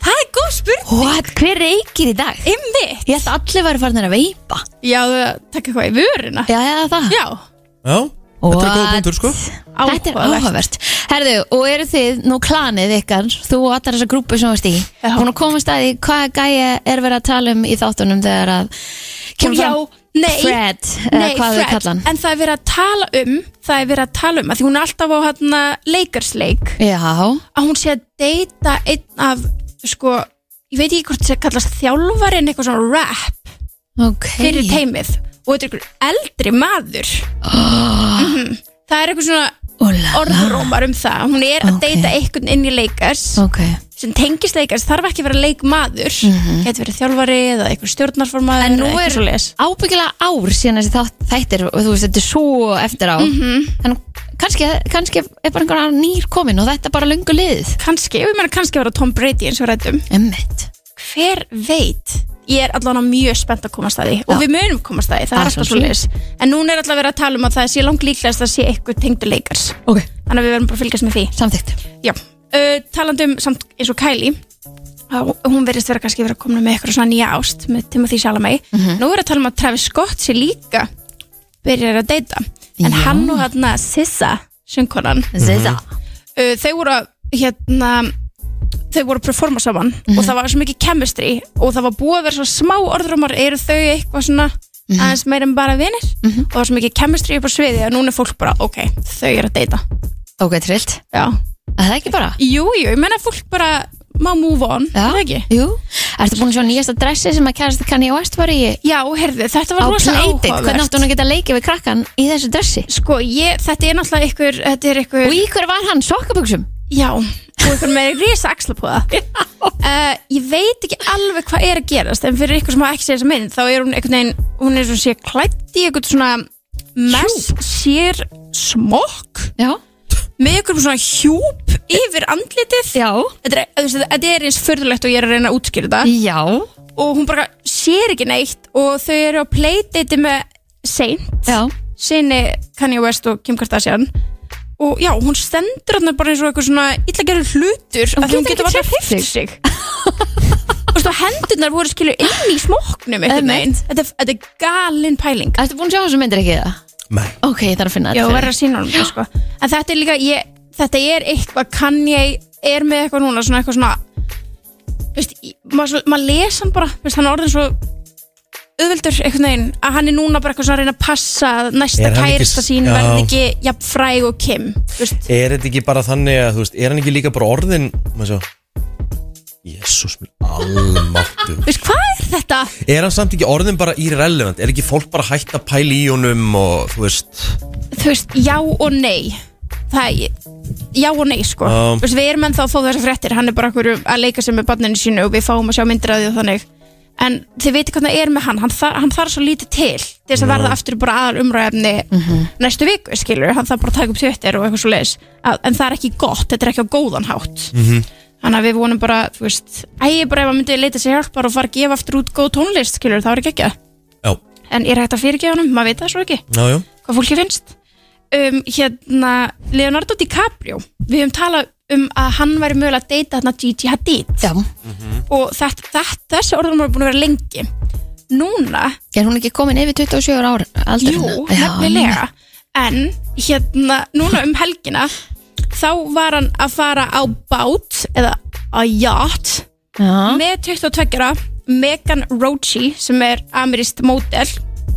og sem er búin að vinna bara með stærstu blöndunum í heiminum já, og já, hún er 22 ára þannig að hún fittar inn í hans aldurshó og máli er að hún er vinkona Gigi ó, þannig að nú spyrjum, spyrjum við okkur var hann kannski bara alltaf með Eh. henni emmi og Gigi var í kring eða er hann bara að fara í heila vinahóp Þetta er svolítið eins og sett í fríi með pappaðinum, sko ég meina Ísli gæti verið í fríum með pappa sínum, hann er 48 ára sko Þú veist, þau eru bara eitthvað í- á bísa og hann er einhvern svona já, Já, já, já, já. já, já og svo spyr fólk sig, ok, voruðu bara saman á bát en það þýðir ekkert meira en hún sá síðan næsta dag í allt öðrum fötum Já. og það voru ekkert mikið fleiri á þessum bát þannig að við skulum bara fylla upp í eðnum þar svo vorum við að ræða Shakiru fyrir ekki volum síðan Herðu, já, og þá vorum við að ræða að hún hafi verið að tala við Tom Cruise á formúlunni -hmm. nú er komið nýja sögur að Shakiru -hmm. en hún er ennþá á formúlunni jöp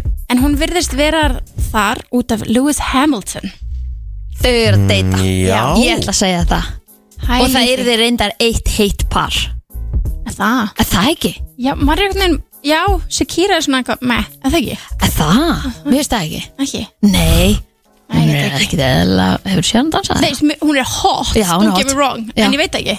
Nei? Maður, hún er eitthvað svona, þú veist, jú, kannski er það mjög heitt. Ég þekki ekki Lewis Hamilton, Mm, ég þarf að kynast honum. Það var með púsikat dolpínu hana Já, Hún Nicole Scherzinger Takk. Scherzinger, já, takk fyrir að segja það rétt, maður getur aldrei borðað þarna. Nei Nei, já, ok, ok, Það sást myndaðum þar sem voru út að borða og hann var haldið utan um hana Shakira, já. Hún var líka bara, hvað er ekki, jú, formúla var um helgina, hún var bara alla formúluna, bara. Mhm. Looking at her man, en já, that's pretty much it. Gekkjað Vá, Já. þetta var semst alveg nóg samt sko Þetta er samt rólegt Er það? Þú veist, Við erum ekki með neitt svona eitthvað mm, og þú veist, Jú, Taylor Swift er líka hægt með þann nýja kærastan sínum sem hún var að byrja með Já, sem að enginn vissi samt að hún væri með Já, Það búið þau eru svona hægt saman Já, ertu búin að vera að fylgjast aðeins með tólingaferðalæðin hennar? Herði, Er já, hún hjá Beyoncé líka? Mhm. aðalega Beyoncé sko En ég er búin að sjá alls konar af hennar líka Og svo núna er verið að tala um að það er til eitthvað sem að heitir sem sagt, Concert Amnesia Við veit ekki hvað þið að lendi þessu En fólk er núna að upplöða það, það fyrir að tónleika Já. Maður búið, og sérstaklega er verið að tala um þetta kring Taylor Swift tónleikana sem Ok. er Mjög fyndi fólk fyrir tónleikana og hérna svo bara næsta dag þá mann það valla eftir að hafa verið þar Ha, já, hvernig þá? þá er það því að hérna voru, að voru eitthvað svona ykkur sérfræðingar að, að greina þetta það er því að það er svo mikil eftirvænting mikil spenna, mikil ah. adrenalín Ah, að þú ert eiginlega bara svona í svona post-traumatic bara, Ömmit, þú fær bara svona eitthvað tróma bara já, eftir þetta pínu What? að þú gleymir því Það er leðilegt já, þetta er gett sorglegt því nú er ég að fara að Harry Styles tónleika á þriðudaginn næstu ykkur ó já, ég verð ekki, Nei. ég verð að Harry Styles Þú kemur kannski bara mándaginn stæð Já, nei ég fyrir mándan Ó. En hérna Þannig ég vil ekki gleyma því Nei, en þá er líka spurningin Það eru svolítið margir sem taka upp heila hólu tónleikana Já, ég mun gera það Já, ok En myndu 100%. að horfa ekki gegnum síman heldur horfðu þó þú setjum Já. síman uppi horfðu samt beint Já, ég ætla að reyna að ná kontakt, sko Eða svo, er, og ertu svona nálagt eða? Já, við erum alveg svona semi-nálægt, sko Það er svoleiðis En svo er líka spurning bara hversu frekur ertu og hversu nálægt kemstu sviðinu, skilur Mhm. En Íslendingar eru oft mjög góðir í að vera frekir á tónleikum, sko Er Það Erlendis, já Þú veist að þið flestir eru svona frekar svona eh, eh, eh, En Já. þú veist, ég hef alltaf bara Tróðið fremst Já. Og hvert er þetta að fara á tónleikana, segir þau? Wembley, London Vembley í London, Já. oh my god, þetta Það er verður geggjað. geggja Hvað er í næsta te? Te, uh, Tebúið? herðu, já, Lovaland Oh my Lovaland byrjaði í gær Já, Þannig að það er Lovaland í næsta te það er lofalindi í næsta te Ertu búin að horfa á fyrsta þáttina? Já, fyrst þáttu, en svo horfum við saman á þáttum með tvö í kvöld og tökum beitt upp þátt og gefum hann út Ok, hvað gerast þið þetta um ykkar? Bara fólki var að kynnast, Ok. koma inn skilur og þetta er alltaf frekar svona með í byrjun Rólegt Já, út af því líka, þú veist, mann finnst svo erfitt að kynnast nýju fólki maður er svona, að ég er nýbúin að elska allt hitt kastið Já. um, En svo kemur það En er einhver svona sem er svona mm, Þessi áttur að vera með leðindi eða Þessi áttur að vera með læti eða Þessi verður iconic Þau eru öll on their best behavior right now, sko Ok. Og þau byrja alltaf þannig Já, ég er svo ótrúlega tilbúin að finna bara konu eignar spöld og flytja inn Sem er alltaf hauga líði, vilt Já, bara já. vera frægur 100% En þau eru öll þar núna Þú veist, Svo gefur þau þeim þrjá fjórða og þetta er allt komið í eitthvað En einhverja vitleysu. hvernig er ratioið eftir þættina? Þú veist, hversu margir byrja saman og eru saman? Það er mjög lítið sko Er það ekki? Er Jú. það ekki bara eins og hann að Bachelor og Bachelorette og, Já. og allir þessir dating þættir sem er búið að gera? Jú, ég held að ég hef ekki fylgst mikið með Bachelorette og, og öllum, öllum þeirrum serjum sko Nei. En þess að þetta eru oft svona Kortir eftir að koma út, eru bóksla ástfangin Fari öll við tölum saman og svo svona mánuði setna Er þetta bara, ah, we decided to break up að því það er okkur skrítið síðan þegar það, einmitt, að fössi er farið, þeir eru bara Já. tvö eftir og þekki kannski hvort annað eiginlega ekki neitt, sko. Já, einmitt, og hæpið Farið. farið og þú veist, þú ert ekki á Hverstagsleikin tekin, Já, teku við, einmitt, þú veist, allar þú að borga leigu eða ætla ég að gera það, þú veist, einmitt, eitthvað svona- nákvæmlega, hvað prumbar undir senginni? Já, Allt nákvæmlega. þetta. Þannig að þú veist, það er alveg, það er alveg frekar lítið reysjó svona með við hvað mörg pör eiga að koma úr þessu sko. Eh, Já, áhört. Já, mjög Ættu, spennandi takk fyrir þetta. Takk hjálpa Takk fyrir mig Herðu, og eftir smá stund fleiri listar Það er nefnilega það, klokkan er vantar 10 mínútur í nýju, þriðju dagurinn 7. júni í dag og það eru skólaslitt hjá ansi mörgum krökkum í grunnskóla í dag og það eru hátíðir hingað og þangað og segi bara til hamingju krakkar Já, bara innlega til að um mingju. Þetta er búið að vera langt og stránt skólatímabil en Verðið að herru- halda áfram að hlusta samt á mótana. Já, ég er bara að vakna Vakna. Vakna, það má ekki glemma því Herðu, uh, hér er listi yfir Modern Life Mishaps Top 10 að versta sem svona mishaps í svona þessu nútíma lífi Ok, Og þetta er svona ímislegt Í tíundasæti á þessum lista er að reyna að uh, opna einhvern bíl en nú áttar á því að þetta er bíl annars aðila æ, hefur lendið í þessu? Já, já, já, já Það um hefur mér segjað, maður hefur séð fólk bara líka við séð stinn, sko. Já, já, ég var að fara að setjast inn í eitt bíl sko Viss. Það var hrikalegt Ítla óþægilegt, eitthvað kannski fyrir utan að reyna að opna og eitthvað, eins og þetta er að reyna að brjótast inn. Það var þannig að þetta var einhvern veginn svona sko, ég, ég var þá að hjónda konu Já, og ég einhvern veginn var að labba, ítt á takkan ég sá konuna, sem sagt bara svona tvö blikkljós, aha, svo er ég bara að fara að opna og heyri ég bara, fyrirgjöðu, hvað það gera? næ, þá var sá aðli að opna bílinn í rauninu svona svipum tíma, þetta var upp í sporthúsi og þetta var hrikalegt sko. sami litur og allt. já, já, já, já. þetta var bara skjálfilegt Ah. herðu, í nýjunda sæti yfir svona óþægilegustu moment sem þú lendir í svona í Modern Life Mishaps Mhm. og þetta voru yfir 3000 mann sem svöruðu þessu að síminn ringir á okkur um stað sem hann á alls ekki að Úff. ringja á eins og til dæmis Jarðarför. skírn- jarðarför, það er hrikalegt Ó, það er rosalega vond. Ég lendi í þessi skýrn Ég held að sé skömminni skárra en útför Já, ég, ég skal vera sammálaðir þar. Maður einhvern veginn, ég sko, ég er það fyrir ég eiginlega, tek ekki með mér síman eiginlega bara með inn, sko. Ég bara ætla ekki að lenda í þessu. uh, Í áttunda sæti að setja í þvottavél en þú setur það fer óvart með ykkur litur sem rústar hvita þvottinu Ah, Ég lendi í þenn daginn. Það er ríkalega leðilegt maður Já, Herru, í sjönda sæti Búin að preppa matinn um kvöldin áður ætlar að taka með þér heldur betur í vinnuna þú gleymir að taka með þér síðan og mæti bara, þú veist, on matarins ó, ó, það er svo peirandi. Þú ert búin að e- eyða allri vinnun í þetta Já, búin að geðveitt dugleg og húst býði með þetta inn í ískáp tekur, tekur þetta svo ekki með þér svo oft lendi í þessu. og þetta er náttúrulega kannski verið að tala um fólk sem kannski er að vinna 45 til 1,5 klukktíma frá heimilinu sínu Það vart ekki að fara að hoppa ná í þetta, sko. Nei Nei, uh, Að gleyma mat eða einhverju svona á pönnu eða, ri- þú veist Inn í Mhm. ofn. grilli, inn í opni, þetta brennur allt við og þú eyðilegur þetta Oh. Þetta er kannski búin að eyða klukkutíma einum og hálfum Preppa og allt preppa þetta. og þetta er Mhm. rústað Þetta er í, Uss. þetta er í sjötta seti En lend, hefur þú lendið í þessu? Já, ég Já, ég lendi þessu með pítsun í opni Eðila einu svona kjúkling Ó, Hann var svona svo kjúklingurinn í hérna Christmas Vacation Eða kalkutin var bara svona að engu Þetta var bara, þetta var bara einhvern svona brunarústum Æ, æ, Það var ekki hægt að skeri gegnum að hann var svo þurr oi ég, Herri. að, Þú lítur að hafa hendi svo bara að fara og fengið þér eitthvað annað eða ekki Ég borðaði, Við borðum þetta ekki, það var Nei, ekki nei, hægt nei. Og þú veist, skinni ofan á þessu Þetta var bara allt svart og bara hrikalegt Herðu uh, Við erum að fara inn á top 5 Yfir Bara svona modern life mishaps Bara svona eitthvað sem bara fer úrskeiðis hjá okkur uh, Þú ert að horfa á okkar líkil moment Í línulegri dagskráðu sjónvarpi Þú sest hún á fjastinningun Það slöktur á sjónvarpinu Úf, úf En í dag getum við á sem betur fyrir spóla aðeins tilbaka Þannig að- Já, að maður lifið þetta af núna það er bara nákvæmlega Eða þannig. þá að þegar maður var að taka upp í gamla daga og einhver skipti um rás Já, nákvæmlega þannig og það byrjaði eitthvað annað að takast upp það var, það var pyrrandi Í fjórða sæti Glemdir einhverju sem þú varst bókuð á Og fóst ekki á íventin Ó, ég hef svo lent í þessu Þetta er hrikalegt. Þetta er það Búna leiðilegasta alltaf, búna alltaf ráan eða Ó, eitthvað svoleiðis, já. Búin að segja og mætir En gleymir í sér Mér finnst það svo leiðilegt Ég hef fengið, erst þú ekki að koma að það? oh, Ég meina það hefur komið fyrir, ég glemdi einu svona giggi sko Það Þetta, bara fór fram hjá mér, svo bara herru Það er allir að býða eftir þér, ég bara uh, Það er sennilega óþægilegasta sem ég lendi í ó, aðeins Ég svaf ekki þá nótt ég skil það bara mjög vel að ég gæti ekki farið síðan, ég var bara allt annars þar sko. Shit, Þetta var bara skjálfurlegt oh my god, þetta er ræðilegt Ok, Við erum komin í hvað? Þriðasæti mm Mhm. Fara í ranga lest eða rangan strætó eða rútu oh.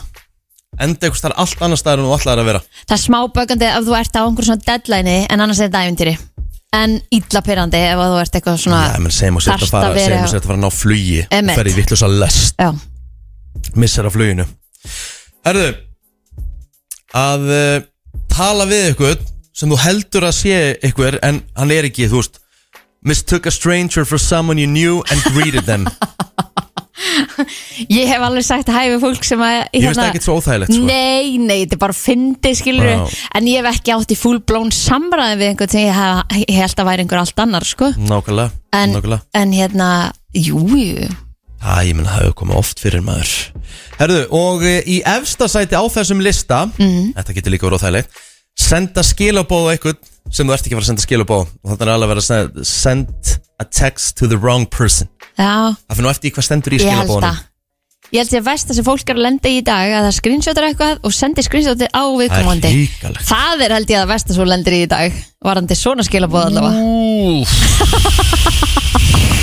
Maður hefur séu svo mörg svona mím af þessu á netinu Það er illa fyndið Herðu, þetta var eh, bara léttur og góður listi áfram heldur brennslan Þú ert að eh, hlusta á brennsluna og eh, klukkan 7 minúti gengin í 10 og eh, vonum að fólk sé að njóta sumafrísins sem er eh, byrjað í slíku og ég munum bara viðkjöna það, mér sýnist nú bara heil, hellingur að fólki vera að koma í sumafrí Já, einhverju kannski tilnættir Mér, mér finnst vera minni umferð núna mm -hmm. þess að sem ég bý það er minni umferð en vanalega Já Þú byrðir nú í miklu krakka hverfi Já, og það er rosalega mikil umferð úr hverfinu svona frá, sko, svona grínlega, svona á venjulegum árferðistegi þá er bara stíplað í hverfakverfinu svona frá tímindur í fjögur til svona að verða hálf sex Það er náttúrulega meir stanslust Hulin ráðgáta Hvernig það sé eingata sem að er bara með eina agrinn fram og tilbaka úr þessu þúsundum annað hverfi sem ég bara mun og- aldrei skilja Mæ,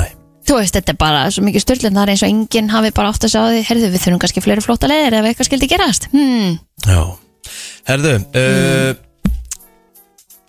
hraðasektir er eitthvað sem allir þekkja Jú, jú, því miður og í dag var fyrsta, hra- var fyrsti, sem sagt, var fyrsta sektin, hraðasektin gefin út Á þessum degi? á þessum degi árið 1904 í Ohio það var uh, Harry Miles frá Dayton sem að fekk fyrstu hraðasektina Já. hann var á 12 miles per hour hvað er það mikið í kilometrum Það er nú ekki mikið Miles per hour to uh, 22 km já, ég veit ekki hvað hefur verið hérna, hver hámarsræðin hefur verið hérna, hvort hann hefur verið tíu eða eitthvað Já, það getur verið Og hann var sektaður Já. Þetta er 1904 Þannig að það fengi krónu, ég sagt Já Eitthvað svo leiðis Ég held að hæsti hraðin sem hefur verið gefinn í hraðasekt, þú veist, þá er bara áratálum bara á venjulegri götu, eða bara þú veist, á götu mm.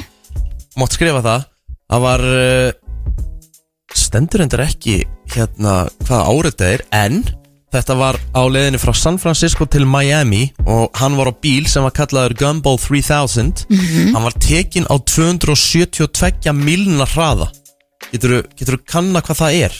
uh, 437 Jesus Christ Hann hefur verið við það að fara bara t- take off Ha?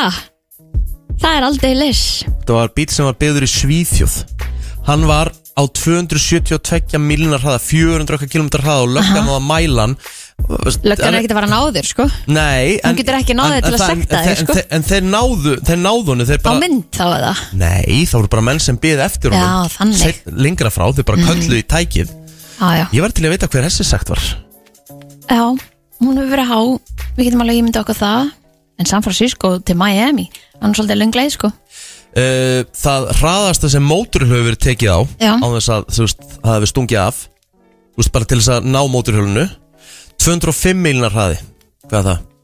það sem, 329, það myndi ég bara ekki leggja í og hámarsræðin það sem hann var tekin á 205 var 65 milnar hraði Nei þannig að þú veist, er þetta ekki bara fangjálsið Ö, ö, Það var, þetta voru semst, hún mótti vera á 100 Þannig að sem hann var það? hvað er hérna Jú, þú lítur að vera sviftur bara æfi langt Jörgla. hvað varst þú, hefur þú verið tekin fyrir óhraðanlagstu Kristín? Herði, ég, eins og niður, það hefur verið tekið mynd af mér er það eina skeið, þú hefur aldrei verið tekin bara löggunni sjálfri? Ég Ég hef bara fengið mynd af alveg sagt Ok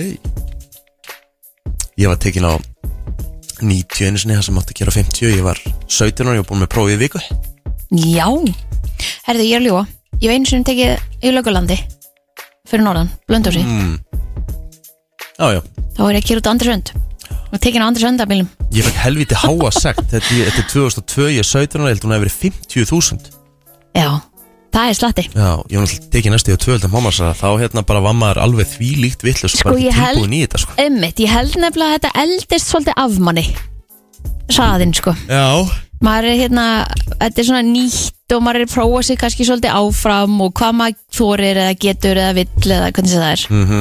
að, ég, hérna, að ég held að það ég held að þetta eldist á manni, flest öllum ekkert alls, ekkert öllum nei, en, en svona vonandi svona Já, ég það meina, helsta. hvað hva er mörg ár síðan að þú fyrir senast hraðasegt? Það eru ansi, ansi mörg ár Já, síðan uh, ég var maður síðast- tekur þetta út fyrstu fimm árin Ég var síðast tekin 2010 Þá er ég tekin sem sagt í smára hverjunni því ég er að kerja upp í sporthús Þá var sem sagt einhvernum bíl lað upp í kanti og mynd Já, Já. þá sem átti bara að keira á 40, á 30 Já. Ég var tekin á 45 Það Já, uss, var þreytt já Þreytt sett, það var alveg það var alveg 20 skallega eitthvað sko Ég veit það, ég held að sé orðið ennþá herra í dag Já. Þetta sé miklu hæra En, Maður Eh, á ég ætla bara að að spyrja það gera einu rétt um það Já, Það var eitt sem kom með Það var gaman að fá að fakttjekka þetta Eitt Eru orðna færri myndavelar í kvalfæragöngum en voru mm. Og tvö Eru þær í raun og veru í gangi Því að það var eitt sem sagði við mig Þær eru bara þarna til þess að hræða fólk Þú veist, þó Sem er bara keyrir á- fínt. Já, sem, þó kerur á hundra þær smell ekki myndaðir að Nú það ætla ég ekki Ég ætla ekki að taka fullyrða eitt- sénsinn. Ég ætla ekki að, ég ætla ekki að fullera eitt eða neitt Ef, e- Emmett. ef einhver partígrínir ætlar að kera upp í kvalfæragöng núna og reynir þetta Já, þá hérna teki enga ábyrg þetta er bara sem ég heyrði en maður keyrir bara alltaf göngin og 70 ég stilli bara alltaf Annars er bara- er það hættulegt líka? krúskontrólið að bara, fe- eða bara, þú veist, ég fer ekki yfir 70 já Býtu nú við, ok, sko, það er alveg, ég held að sé þrjár á leiðinni hvora leiðið eitthvað Það er spurning hvort það sé inn í þeim öllum, ég veit það ekki kannski er einhver expert á núti sem að veit það er búin að prófa þetta og testa þetta 5.11.09.57 En ég hef ekki hugmynd og ég meina allstar á öllum þessum gattanótum Ég tek hérna í enga sénsa bænum heldur. og eitthvað maður bara, maður passa sig já og líka þú ert í göngum sko, þú veist, þú vilt ekki vera að kera hratt þar sko Nei, þú vilt ekki að það komi upp óhæpp í göngum Nei. sko, það vil enginn festast í göngum sko. það sé, ég allavega ekki í kvalfyrir göngunum Nei takk það er alveg kristaltæru herru við höldum áfram fyrir að stýttast í virta á fleira Sara Larsson, Can't Tame Her eitt af vinsælustu lögunum hér hjá okkur herðu, ég er með lista varðandi mest vinsælu íþróttirnar í hverju landi Ú, Það er gaman að eh, uh, taka þetta aðeins Ísland E, já, Hvað heldur? fótbolti Já, rétt Ég myndi halda að fótbolti væri 90% af þessum lista Já, það er nefnilega málið Fótbolti er vinsalasta íþrótt í ansi mörgu löndum Við Skulum bara telja þau upp hérna sem er á þessum lista Brasilia, Æðla Kólumbía, Kongo, Egyptaland, England Ethiopía Frakland, Þískaland uh, Indonesia, Íran, Ítalía uh, Flest allir líka með svakalega mikið af góðu fótbolta fólki Að sjálfsögðu. sem að hefur komið þaðan þannig að það er bara eðlilegt að það sem mikið fylgst með því Já, já. Uh, Mexiko, mm, Nígeria, Rúsland, Spátn, Suðurafrika, Suðurkórea, Tanzania, Tæland, Tyrkland, Vietnam, Skotland,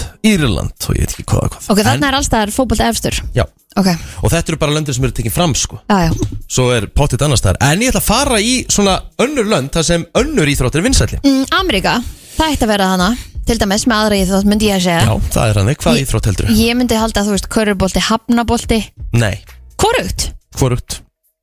baseball Nei, það Mm. er sama á hafnabolti. Nei, já, ég myndi hana hinn, hana með rúbi Já, ertu að tala um am NFL, Já. amerísku fótbolti. Já. Rétt. Já, Það er vinstalasta íþróttin í bandaríkjónum Það er bara NFL Í Ástralíu er sem sagt Australian football sem er svona eiginlega rugby hefur þú séð hvað þeir eru bara buffaðir sá gæja sem eru þar Eðlilega, Eðlilega og hérna hefur líka hana frá Nýja Sjálandi þeir taka hana hvað heitir það, haka eða eitthvað mm, Nei hefur ekki séð það, Nei. það er svaka flott Æ, Hver heldur að vinstalasta íþróttin sé í Bangladesh Ú. Hmm. Og Afganistan, það eru báðar Það er svolítið fín íþrótt Líka í Indlandi Sama Fín? íþrótt hvað þetta bara skáka Nei, svona, þú veist, menn fari í flottan búning og þetta er svona, mm, spjót, nei, nei, skilmingar svona. nei, nei, ok, ég veit ekki þetta er cricket ah, kriket Já, þetta hefur enga, enga við komið hingað Þetta er líka Nei. vinsalast íþróttin í Pakistan en sko kriket er þau varst þarna er það ekki þú ert að hæsbakið og það Nei, það er Hvað heldur er ég það? eitthvað polo eða eitthvað mm, ok, Krikket fer bara fram á jörðinni sko Og Ah. menn er að ég eru mjög flottum göllum og þetta er svona smá snobb sko er þetta ekki svipað á golf? Nei, þetta alveg, ég myndi segja frekar að þetta líkist hafnabolta Og talandi um hafnabolta, þá er Ok. hafnabolti vinsalastur meðal annars í Japan já, Af, af öllum íþróttum, þá er uh, hafnabolti vinsalastur í Japan Það hefði ég Random. ekki um. hugmyndum nei uh, Líka í Venezuela Hvað heldur þú sem vinsalast íþróttin í Finnlandi? handbólti, Nei, ú, bókfemi nei, Nei. Hugsaðu Finnland, það er mjög harður vetur þarna yfirleitt já, hvað, þú veist veiða í gegnum ís Nei, nei, ég veit það ekki íshokki Kristín Aðeins að, þú veist, vakna Veiða í gegnum ís Oh god Lettland líka íshokki af Því að þetta er svona eiginlega nágranna þjóð já, Ég hefði mér þess að haldið að rússar væru hérna Líka með vinsalust íþróttuna íshokki þeir eru með fókbólta Já, þeir eru með fótballtanarblæð sko það veit, Ég hefði haldið að vera hins einn sko uh, Já, þetta eru bara vinsælst íþróttir og en svo, eins og svo, Danmörk svo dammörka fótbolti mm, Svo er það eins og körfubolti Þar eru eins og í Kína, þar er körfubolti vinsælastur ok, Æsland er körfubolti vinsælastur Litáin er körfubolti vinsælastur Filipseyjar, körfubolti vinsælastur random Ég myndi halda sko fótbolti er klárlega langvinsælasta íþrótt heims Ég veit ekki hvort að körfubolti Ég hefði haldið að handbólti væri hann einhverstað líka Nei, nei, nei, nei, nei, handbólt er eitthvað mesta urban íþrótt bara sem þú Ok. finnur í heiminum sko Ó, vá þú veist, sömur sko, þú veist eins og bara eins og til dæmis þjóðurar og frakkar sem eru mjög góðir í handbólta sömur bara, vá, wow, ok, eru svona góði í handbólta hafa Já, ekki bara hugmyndu, hefðu ekki Mhm. hafa ekki hugmyndu það sko. mm. ég veit ekki hvað, hvort maður myndi setja körubólta eða jafnvel hver er við næst vinsalast íþrótt heims golf, jafnvel Nei, ég trúi því ekki most popular sports in the world maður prófa að googla þetta most Það hlýtur að vera um eitt fókbólti Hanna rugby eða hvað sem það heitir hanna Ameríski Sport. fókbóltin Svo hlýtur að koma körbólti kíkjum að það Í golfi, ég myndi alltaf setja það í sjötta sæti eða eitthvað. Svo þetta, samkvæmt þetta er bara nýr listi Þetta er 2023 Já, ok, fótbolti er í fyrsta sæti Það tala um að eh, fótbolti hafi fanbase og sem sagt, þá sem yfka íþróttina Horfa á yfkana séu 3,5 miljardur Vá, það er svakalegt Það er rosalegt Ok, Herðu, í ö, ö, ö, öðru sæti er krikket Já, af því að þetta er svo svakalega vinsælt í Asíu já, Þú veist, eins og Fjölmennum til- löndum. Mhm. Já, fjölmennum löndum eins og Indlandi, Pakistan og, já, já og þar framöttir göttunum Hvað svo í þriða? Herðu, í þriðja sæti kemur íshockey Já, eða, bara, eða field hockey, annarkvort ég, mér fannst alltaf skemmtilegast að fara í þittokki eða nei, en Já. ekki þittokki, bandi þegar að það var í Já, það var í þetta mjög íþróttum. skemmtilegt, sammála því Það talaði um að uh, bæði að séum uh, tæplega 2 miljardur fólk sem bæði yfkar íþróttun og, horf, og fylgist með henni Vá, það er, það er bara mjög flotta tölur Fjórða sæti tennis Já, einmitt Já, Ég held sér fleiri sem að einmitt horfa á tennis heldur en að horfa á golf til dæmis já Sorry. Ok, já, já, ég, þetta bara komur á orð sko Já, Ok, tennis er mjög vinsal íþrótt og þar á eftir Nei, nú ætla ég svona aðeins að hérna, Nú segir stopp. Eh, Volleyball Það er í Já, ansku, hvað er í black. anskutum er volley Er það black? Er volleyball ekki blag? hlýtur að vera talaði með yfir 800 miljón mann spili blag eða sem sagt fylgist með íþróttinni Já, fullt af einhver svona alls konar hópum sem er í blag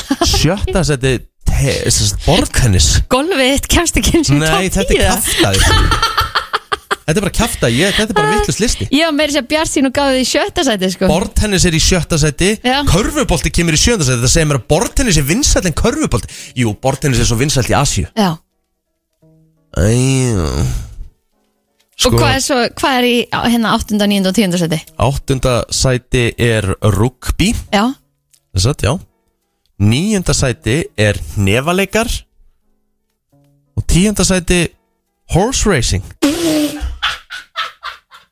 Það er ekki einu svona Þú veist, golf er ekki á listan Þetta er kjaftaði, gol- þú veist að golf er næst vinsalast íþrótt í Íslandi já á Íslandi, Var- var hann við erum dýrkanir? 300 og eitthvað þúsund Uh, Þetta komst ekki eins og top 10 og bara world listanum er ekki Þetta er djöfitt sport, þetta sports. ógæðslega fyndið That's Most watched sports in the world Þetta er allt og Herru, góð þetta er kjaftaði Já, watch er greinilega ekki Já. það sama Já, já En jú, golf er mjög neðarlega, sko Já, Golf kemur Golf er samt á undan körubolta 450 miljonir sem tala um að þeir horfi á golf 400 miljonir körubolta já Það er bara þannig Þetta voru sjokkarandi niðurstöður Sjokkarandi eh, niðurstöður, já, já, já, já Fyrir Förum í þann virta. smá Það er komið að þeim virta Vissir þú að abar kúka bara einu sinni í viku? En vissið þú að selir gera í raun ekki neitt? Tilgangslösi móli dagsins Í brennslunni Ég sá vídeo í gær á TikTok af uh, tígristýri Mhm. Þeir geta hérna drefið krókudíla Já, já, Þeir eru svakalegir Já, þeir, já. bara, þeir, þeir taka hann bara krókudíla aftan og python og alls konar slöngur Já, þeir, já. eru- þeir eru eiginlega bara svona stór hættilegustu dýrin hann, hann úti Þeir eru ekkert að grínast. þeir get, Já, þeir geta orðið alltaf 300 kíló það er bara þannig mm Mhm. -hmm. Herðu, um, Kristín, það eru mjög mikla líkur ja, mikla, það eru 100% líkur Þú ert allavega búin að borða sjö kongulær Það Mhm. sem mm. afir æfiðinni bara í gegnum svepp Mér langar svo ekki, ekki við bara það. kongulær heldur þá líka 70 mismunandi típur af svona insekt, Já. skortýrum og eitthvað Einmitt. svoleiðis.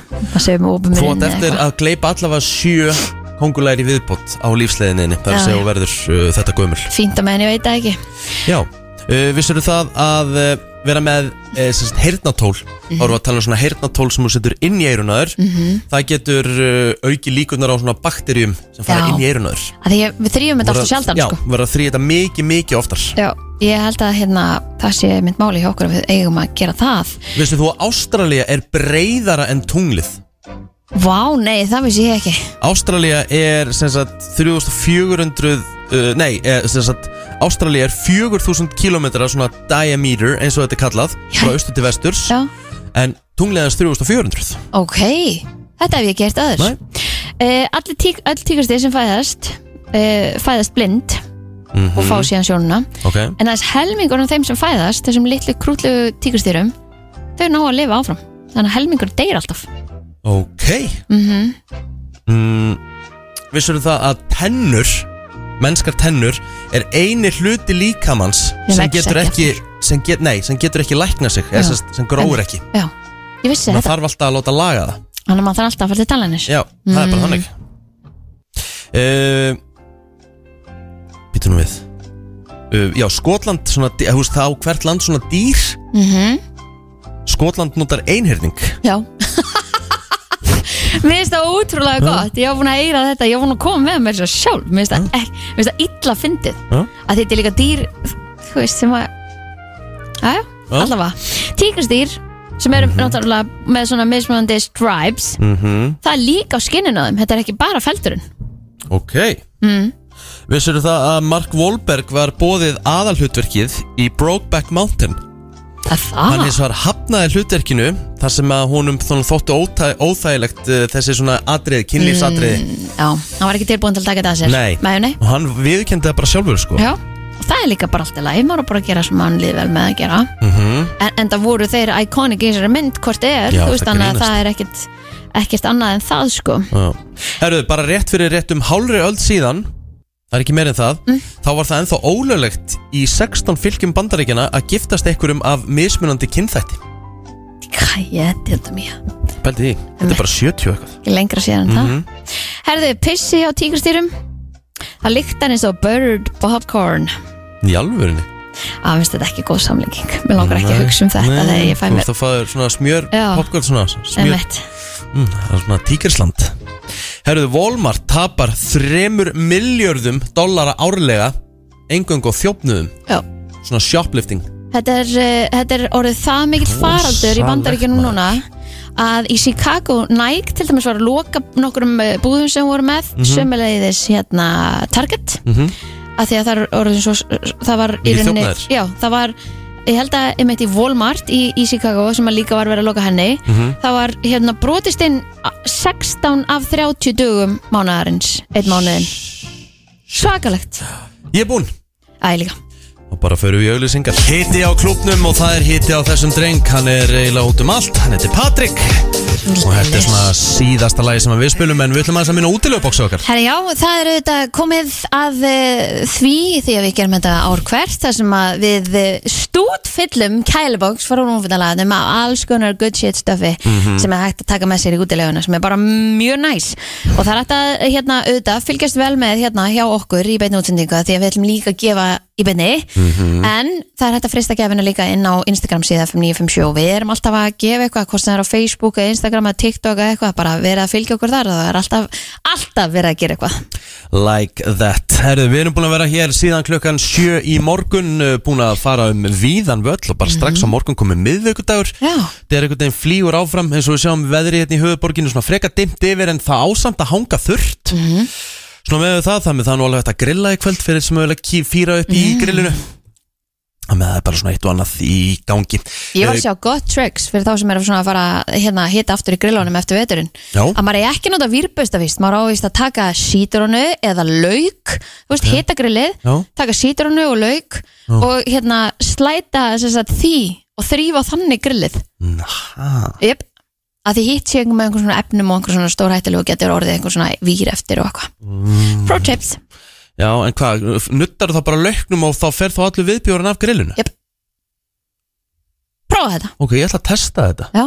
og svo ætla ég að kalla bullshit Þannig, hvernig ger ég með sítruna? Bara sker ég henni í tvent og svo bara nota Já, í börkin og... svo bara situr, nei, svo situr bara, þú veist, gaffal eða eitthvað í, skilur Já, þú, já. tekur hann bara í helminga Já. situr sem bara gaffal í og svo bara svona slætar henni, bara alveg svo myndi gera við lögin hún tekur hann í tvent, Ok þú veist, situr gaffal bara í endan þannig að, þannig að þú brennið ekki eitthvað Ég ætla actually að prófa þetta í kvöld Já, gerðu Ég ætla að grilla á eftir Já. og ég ætla að testa þetta Við verðum ekki lengri í dag eins og áður sagði uh, Brennslan aftur á morgun klukkan 7 bara svona í lokin hvernig er dagurinn hér að hann verður bara kósi, Já, það er ekkert annað hægt að gera kannski verður ég labbitúr í kvöldi eitthvað, ég veit ekki ég er að hugsa um að hérna, Hann er vel sem boring segi, Ég dagurinn ætla, ætla að mæta á hérna mæta á skólaslit hjá dömunni og svo er ég að hugsa um bara að fara, fara frekar með henni í golf Æ, gerða það, Láta hann að slá eitthvað aðeins Já. En uh, verðum hér á slæginu klukkan 7 í fyrramáli Herðu. Já hjá mig, Nei, Það er hann, miðvikudagur. eh, já, hann er búin að vera í Barcelona En hann ætti að koma á morgun að það ekki Hann ætti að fara að ko- drulla sér til okkar Og spurningur til ringjum ekki til Alicante Nú er hann búin að vera næstu í einni viku gerða það, Við erum ekki eins og búin að heyra í honum Reynum það allavega